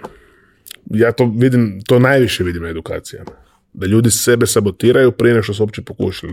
I onda kažu, neću ja ići tamo uopće ni, tamo je ovaj moj iz, e, on si dobar sa ovim iz naše konkurencije i sad ću ja tamo tražiti. Ja e, samo pitam jedno pitanje, pa jesi probao? Pa nisam, ali šta ću probat? Pa dobro, jesi probao ili nisi? Pa nisam. Pa rekao, pa dobro, pa ajde probaj. Šta te košta? Pa samo ću izgubiti vrijeme. kak znaš? Kak znaš da ćeš izgubiti vrijeme? Pa dođeš, dobar dan, dobar dan, evo, čujem da radite s mojim kolegom iz druge firme, pa me zanima kako se zadovoljni sa njim ja sam iz te i te konkurentske firme, ono čisto porazgovaraj s ljudima. Možda nisu zadovoljni s njim, kak znaš, nisi ni pitao. Kužiš. To što oni rade zajedno, što možda roštiljaju zajedno, ne znači da posao funkcionira. Tako da, to su ta neka sabotirajuća uvjerenja gdje ja ono, sam stvarno počeo kad gledam e, sebe prije osam godina kad sam kretao s ovim biznisom bio sam uvjeren da znam sve i kad gledam danas, danas tek vidim koliko ne znam ništa. A koliko sam se u međuvremenu izeducirao još i koliko sam još toga odradio i pročitao i sve. Ajde da se sad vratim na sam početak, odnosno na tu priču o, o, o Belfortu. E? Zašto? Zašto? E, pa znaš šta? Ovako ću ti reći. E, mislim da je Srbija tu vrlo slična Hrvatskoj, kako i Bosni, tako i Makedoniji. Čitav taj naš predivni Balkan ima jedan zajednički, ja bih rekao, veliki problem. Prva stvar, sramimo se pogrešaka, sramimo se zajeba, ne možemo otvoreno pričati o tome i ako neko završi u zatvoru, on je otpisan. Da li to nužno mora biti tako? Kada bi ljudi možda otvorenije malo razgovarali i priznali neke svoje greške otvoreno, možda bi se i više stvari rješavalo i možda bi stvari išle naprijed. I meni je to osnovni razlog jer on je čovjek koji je i zajebo i napravio je krive stvari i, pokreš, i pogreške i kažnjenje i financijski i zatvorom i sve i dalje otvoreno priča o tome i koliko god mu je oko nekih stvari nije sretan zbog toga, ali može, može otvoreno govoriti o tome. I ja ono uvijek volim reći ljudima, pa to je najveća vrijednost. Kad bi ti vidio nekog od naših, ajmo, ajmo samo sa političarima koji nisu poničili nikakav fizički zločin ili nešto, ali koliko malvizacija financijskih i svega je bilo, i ono, u Hrvatskoj je fakat ono, pol zatvora su političari, jel? tragično, ali Pa što ne bi bilo dobro poslušati nekoga od njih da stane na binu i kaže da, Zajebao sam to, to, to i to, krivo sam procijenio, bio sam pohlepan, nemojte si dopustiti da vam se to desi u životu. Hoće se to ikad desit kod nas? Ne. E. Znači moramo onda iz uvoza. Jel? Eto, zato uvoz. A kaže mi kako izgleda zapravo, ok, pomenula si da, da, je proces pregovora trajao dugo, mm. ali ovaj, negde onoliko koliko možeš da podeliš, mhm. eh, kakvi su da kažem, neki, neki uslovi dogovora, ne financijski i to sve, mm -hmm. nego mhm. prosto ono, znaš, uvek kad dolazi neka zvezda, ljudi se najviše bave time šta je tražilo u backstage. Da. Ne pitam te to, ali prosto kako izgleda ceo aranžman, zašto se njemu svidela ideja da mhm. dođe u Zagreb, na koji način ste vi negde pičovali ka njemu tu mhm. ideju, šta je poruka koju ste vi njemu preneli a šta je negde to što, očekuje da će on pričati mm. na, na, na workshop? Pa ajmo reći da svidjelamo se ideja zato što mu plaćamo. Dobro, Tako da bi ja to pojednostavio vrlo jednostavno, dakle to, to je neminovno i to su ozbiljni novci tu u pitanju, nećemo o brojkama, ali povrh tih novaca ti trebaš tu, imaš i first class e, u avionu, za njega, njegovu ženu, i mislim da još jedna ili dvije osobe dolaze sa njim, e, imaš posebne uvjete za hotel, koji nisu ništa strašno, ali ne znam, 20 24 hour security i te neke stvari. Nije to sad ništa strašno. Sam kad ti dobiš taj ugovor, to sve čitaš, prvo ti je smiješno, jer se susrećeš s onim što inače čitaš u novinama, a s druge strane mi je u potpunosti jasno zašto to sve treba biti unutra. Jel? I onda kad čitaš ugovor, i onda s druge strane kad se čuješ sa njima i sa ekipom, ne, možeš povezati. Jer ovo ti je strogo strukturirano i napisano jezikom To je neki polovično razumiješ, da? E, a oni su ono zajebancija, udri brigu na veselje kojiš. I onda mi je onak to, malo mi je čudno bilo, onako u jednom trenu mi je bilo onak čekit sad, ono, više mi nije jasno. I onda kad smo potpisali sve, kad je krenula suradnja, ono, suradnja je super. Tim ok, mi jesmo vremenska zona, sve kasnije, 8 sati, inače mi sad sad pošaljem poruku, oni će mi tek na večer odgovoriti i tako nešto. ono, odmah WhatsApp grupa, odmah pristup svim Google drive odmah dobiš sve, kad god treba nešto snimiti, snime. Znaš ono, dobra je ta suradnja, kvalitetna je. Nema sad ono da, da, da pridlače da kada e, to nije u ugovoru ili nešto. Mislim, ja bih uvijek ono pitao pristojno, jer možemo ovo, jer možemo ovo, jer možemo, sve može na kraju. Nema sad tu nešto da ne može, da je nešto i da te je to nismo definirali, to treba posebno dodatno platiti ili nešto. Tako da za sada, evo, moram priznati da je super, ugovor nije nešto ni će možda tri stranice sve skupa, četiri. Odlično. Da, nije to sad neka, neka ono rocket science veliki, ali smo dali mi to da uskladimo zbog zakona Hrvatske, zakona Amerike, pa sam ja dao isto odvjetništvo, da, da, tu riješe kod nas i to. Ali ono, sve ok. I... Da bi riječi rekao. A zašto, nisam ti odgovorio zašto 8 mjeseci? Zato što ni mi ni sami nismo bili sigurni u početku jer idemo s tim ili ne, da li je to samo bio pijani hir ili, ili fakat idemo, jer taj prvi mail je poslan malo u veselom stanju. Jel? Nije niko nije očekivao da će se čovjek javiti na, kraju se javio i krenula je za jebanci, onda kad smo se ono... se javio, onda je bilo šta sad? Pa da, i onda je rekao, ništa, ajmo sad. I onda je bilo prvo, čekaj, ko je, hoćemo prvo tražiti sponzore, hoćemo prvo potpisati, hoćemo prvo osigurati konferenciju, pa onda tek ići sa njom. I na kraju ti je bilo ono, mrški, ajmo mi to potpisati, samo da ćemo stvoriti pritisak i onda ćemo mi to odraditi. A ovako previše strategiraš, previše planiraš i sve to, na kraju, ono, ajde, brate, znaš. Tako da, ono, malo je opet bilo, e, ovaj, ono, ajmo, nazdravili smo i rekli ništa, ajde, potpisujemo bez, znači bio je, finalno ja sam ono, u Excelu sam sve raspisao, točno koliko ljudi ili nam break even, to sve znam. To, ali ono, meni je bilo bitno da je konferencija samo održiva, čak i bez sponzora, iako imamo sponzore, ali čak i bez sponzora smo samo održivi, tako da to je bilo najbitnije da to sve skupa klapa. A šta se očekuje da će pričati? Mislim što se se dogovorili, ali... Mm, okvirno smo se dogovorili, to ćemo razraditi vrlo vjerojatno, jer mi smo dobili u ugovoru, nam je još definirano da ćemo mi imati još jedan webinar sa njim mjesec dana prije, mhm. koji ćemo odraditi, koji ćemo vrlo vjerojatno pretvoriti u neki određeni intervju ili čak možda ekskluzivni intervju, možda ćemo čak to napraviti online e, na nekoj konferenciji u Zagrebu, vidjet ćemo kako ćemo to izvesti još. Ali ideja je zapravo da on podijeli svoj speech u dva sata. Prvi dio je zapravo da priča o tom svom putu, koji je zapravo bilo vrlo interesantan, odnosno u realnoj verziji filma, šta je kako bilo i šta je sve točno zajebo i šta je iz toga naučio, a drugi dio je da zapravo sve to što je naučio, kako je to pretočio u taj straight line selling i zašto straight line selling, ono zašto je ta metodologija, za koga je dobra i koji su glavni ono key pointovi te njegove metodologije. Straight line selling je zaista vrlo jednostavna metodologija, nije neki bauk veliki. Jel? Iako se on se jako bazira, to će ti Saša možda i više pričat, na NLP-u. Znači, jako puno NLP-a ima u njegovoj strategiji i on se jako bavi glasom, jer njegov glas je malo čudan onako kad mhm. ga čuješ. I zapravo se jako bavi tim glasom, kako on upravlja glasom i zašto je bio toliko uspješan, baš zahvaljujući sam glasu. Da, dobro, jedan ceo deo priče jeste situacije u kojoj ti jedino glasom nešto i možeš da, uradiš jer je telefon. Da, da, da, da, upravo to. Ali ono, i ti kad dobro upravljaš glasom i kada si pred ljudima stojiš, isto je moćno, moćan alat, mislim. Ja ga isto koristim, ja isto imam čudnu neku boju glasa, ali opet s druge strane očito prolazi. dobro. E, ok, to je nešto što, što nas očekuje u 11. mesecu. Tako je. Naravno da je na tome veliki fokus. Uh a, ali naravno i da to nije jedina stvar koja se radi da se sve završava nakon što se to završi, nego mhm. prosto mm. paraleli radiš dosta nekih drugih stvari. Šta ti je neki plan za, za naredni period?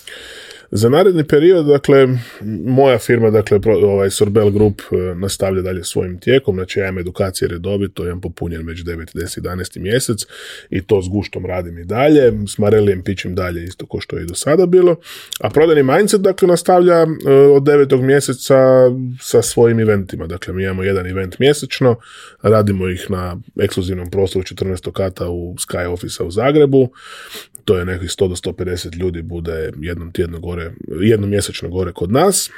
Tematski je uvijek, uvijek je neka prodajna tema, dakle obrađujemo sve prodajne teme moguće, zovemo goste koji su iz određenih branši, od glazbe preko edukacija, preko ne znam, prodaje automobila, ne znam svašta je bilo već do sada.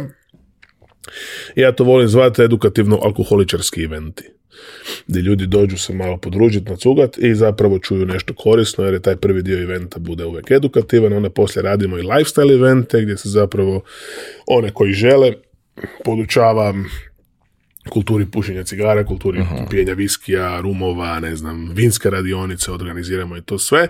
te mene neko pita kako to ima veze s prodajom. Pa zapravo jako puno ima, jer ti što se više mičeš u prodaj, to sa ozbiljnim ljudima razgovaraš i moraš znat o nekim stvarima nešto. Znači neko reći to je isprazno znat nešto o cigarama. Pa nije isprazno znat tak ti tvoj sugovornik koji je direktor neke firme puši cigare i pije viski. Pa je bilo dobro da znaš bar nešto o tome, ne moraš znati detalje. Ali da možeš razliku iz single malta i ne znam, neku drugu Ja... Slažem se, slažem se. Ili između, između veličina cigara da možeš znat barem razliku kojiš. Tek toliko, neke osnovne stvari. To je onaj chit chat, super mi je rekao jedan kolega u podcastu kad smo snimali, kaže small talk. Kaže small talk nije small talk, to je zapravo big talk. Jer pa mislim, tako se otvaraju vrata. Da. Redko se vrata otvaraju tako što ih probiješ nogom. Pa da, jer tu ili klikneš ili ne klikneš. Slažem se. Da. Hvala ti puno što si podelio ovu priču. Hvala I, tebi ono, pozivamo sve ljude koji su zainteresovani da, da se prijave za, za konferenciju. Siguran sam da će biti interesantno. Nije mm. Jordanova priča jedina koja će biti tu. Biće celodnevni program mm -hmm. i mhm. biće svašta nešto još od dva nastavnih aktivnosti. Da, ovaj, I biće će naravno gomila sjajnih ljudi tamo iz celog regiona, tako da sjajno je mesto za networking u svakom slučaju. Je. Ovaj, hvala ti što si bio gost pričat ćemo ovaj, za par nedelje i sa Sašom o, mhm. svemu tome, pa ćemo malo podgrejati ovo, a i pokazati koliko ste vi zapravo različiti. da.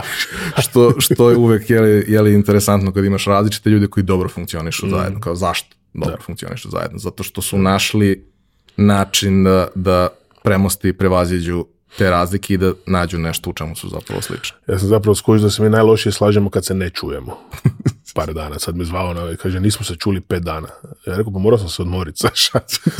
Zapravo sam nervozan što me nije zvao. Rekao, no, znaš, ono, zašto se mene ne zove? Ali dobro. Da, evo, hvala ti puno na pozivu, baš je gušt bilo, ne mogu vjerovati da gotovo dva i pol sata tu sjedimo, još se nisam ukočio. Ali dobro, idem sad na gemišt. Hvala ti puno, hvala vam što ste, što ste nas slušali, nadam se da vam je bilo interesantno to bi bilo to za ovu nedelju. Mi se vidimo ponovo naredno.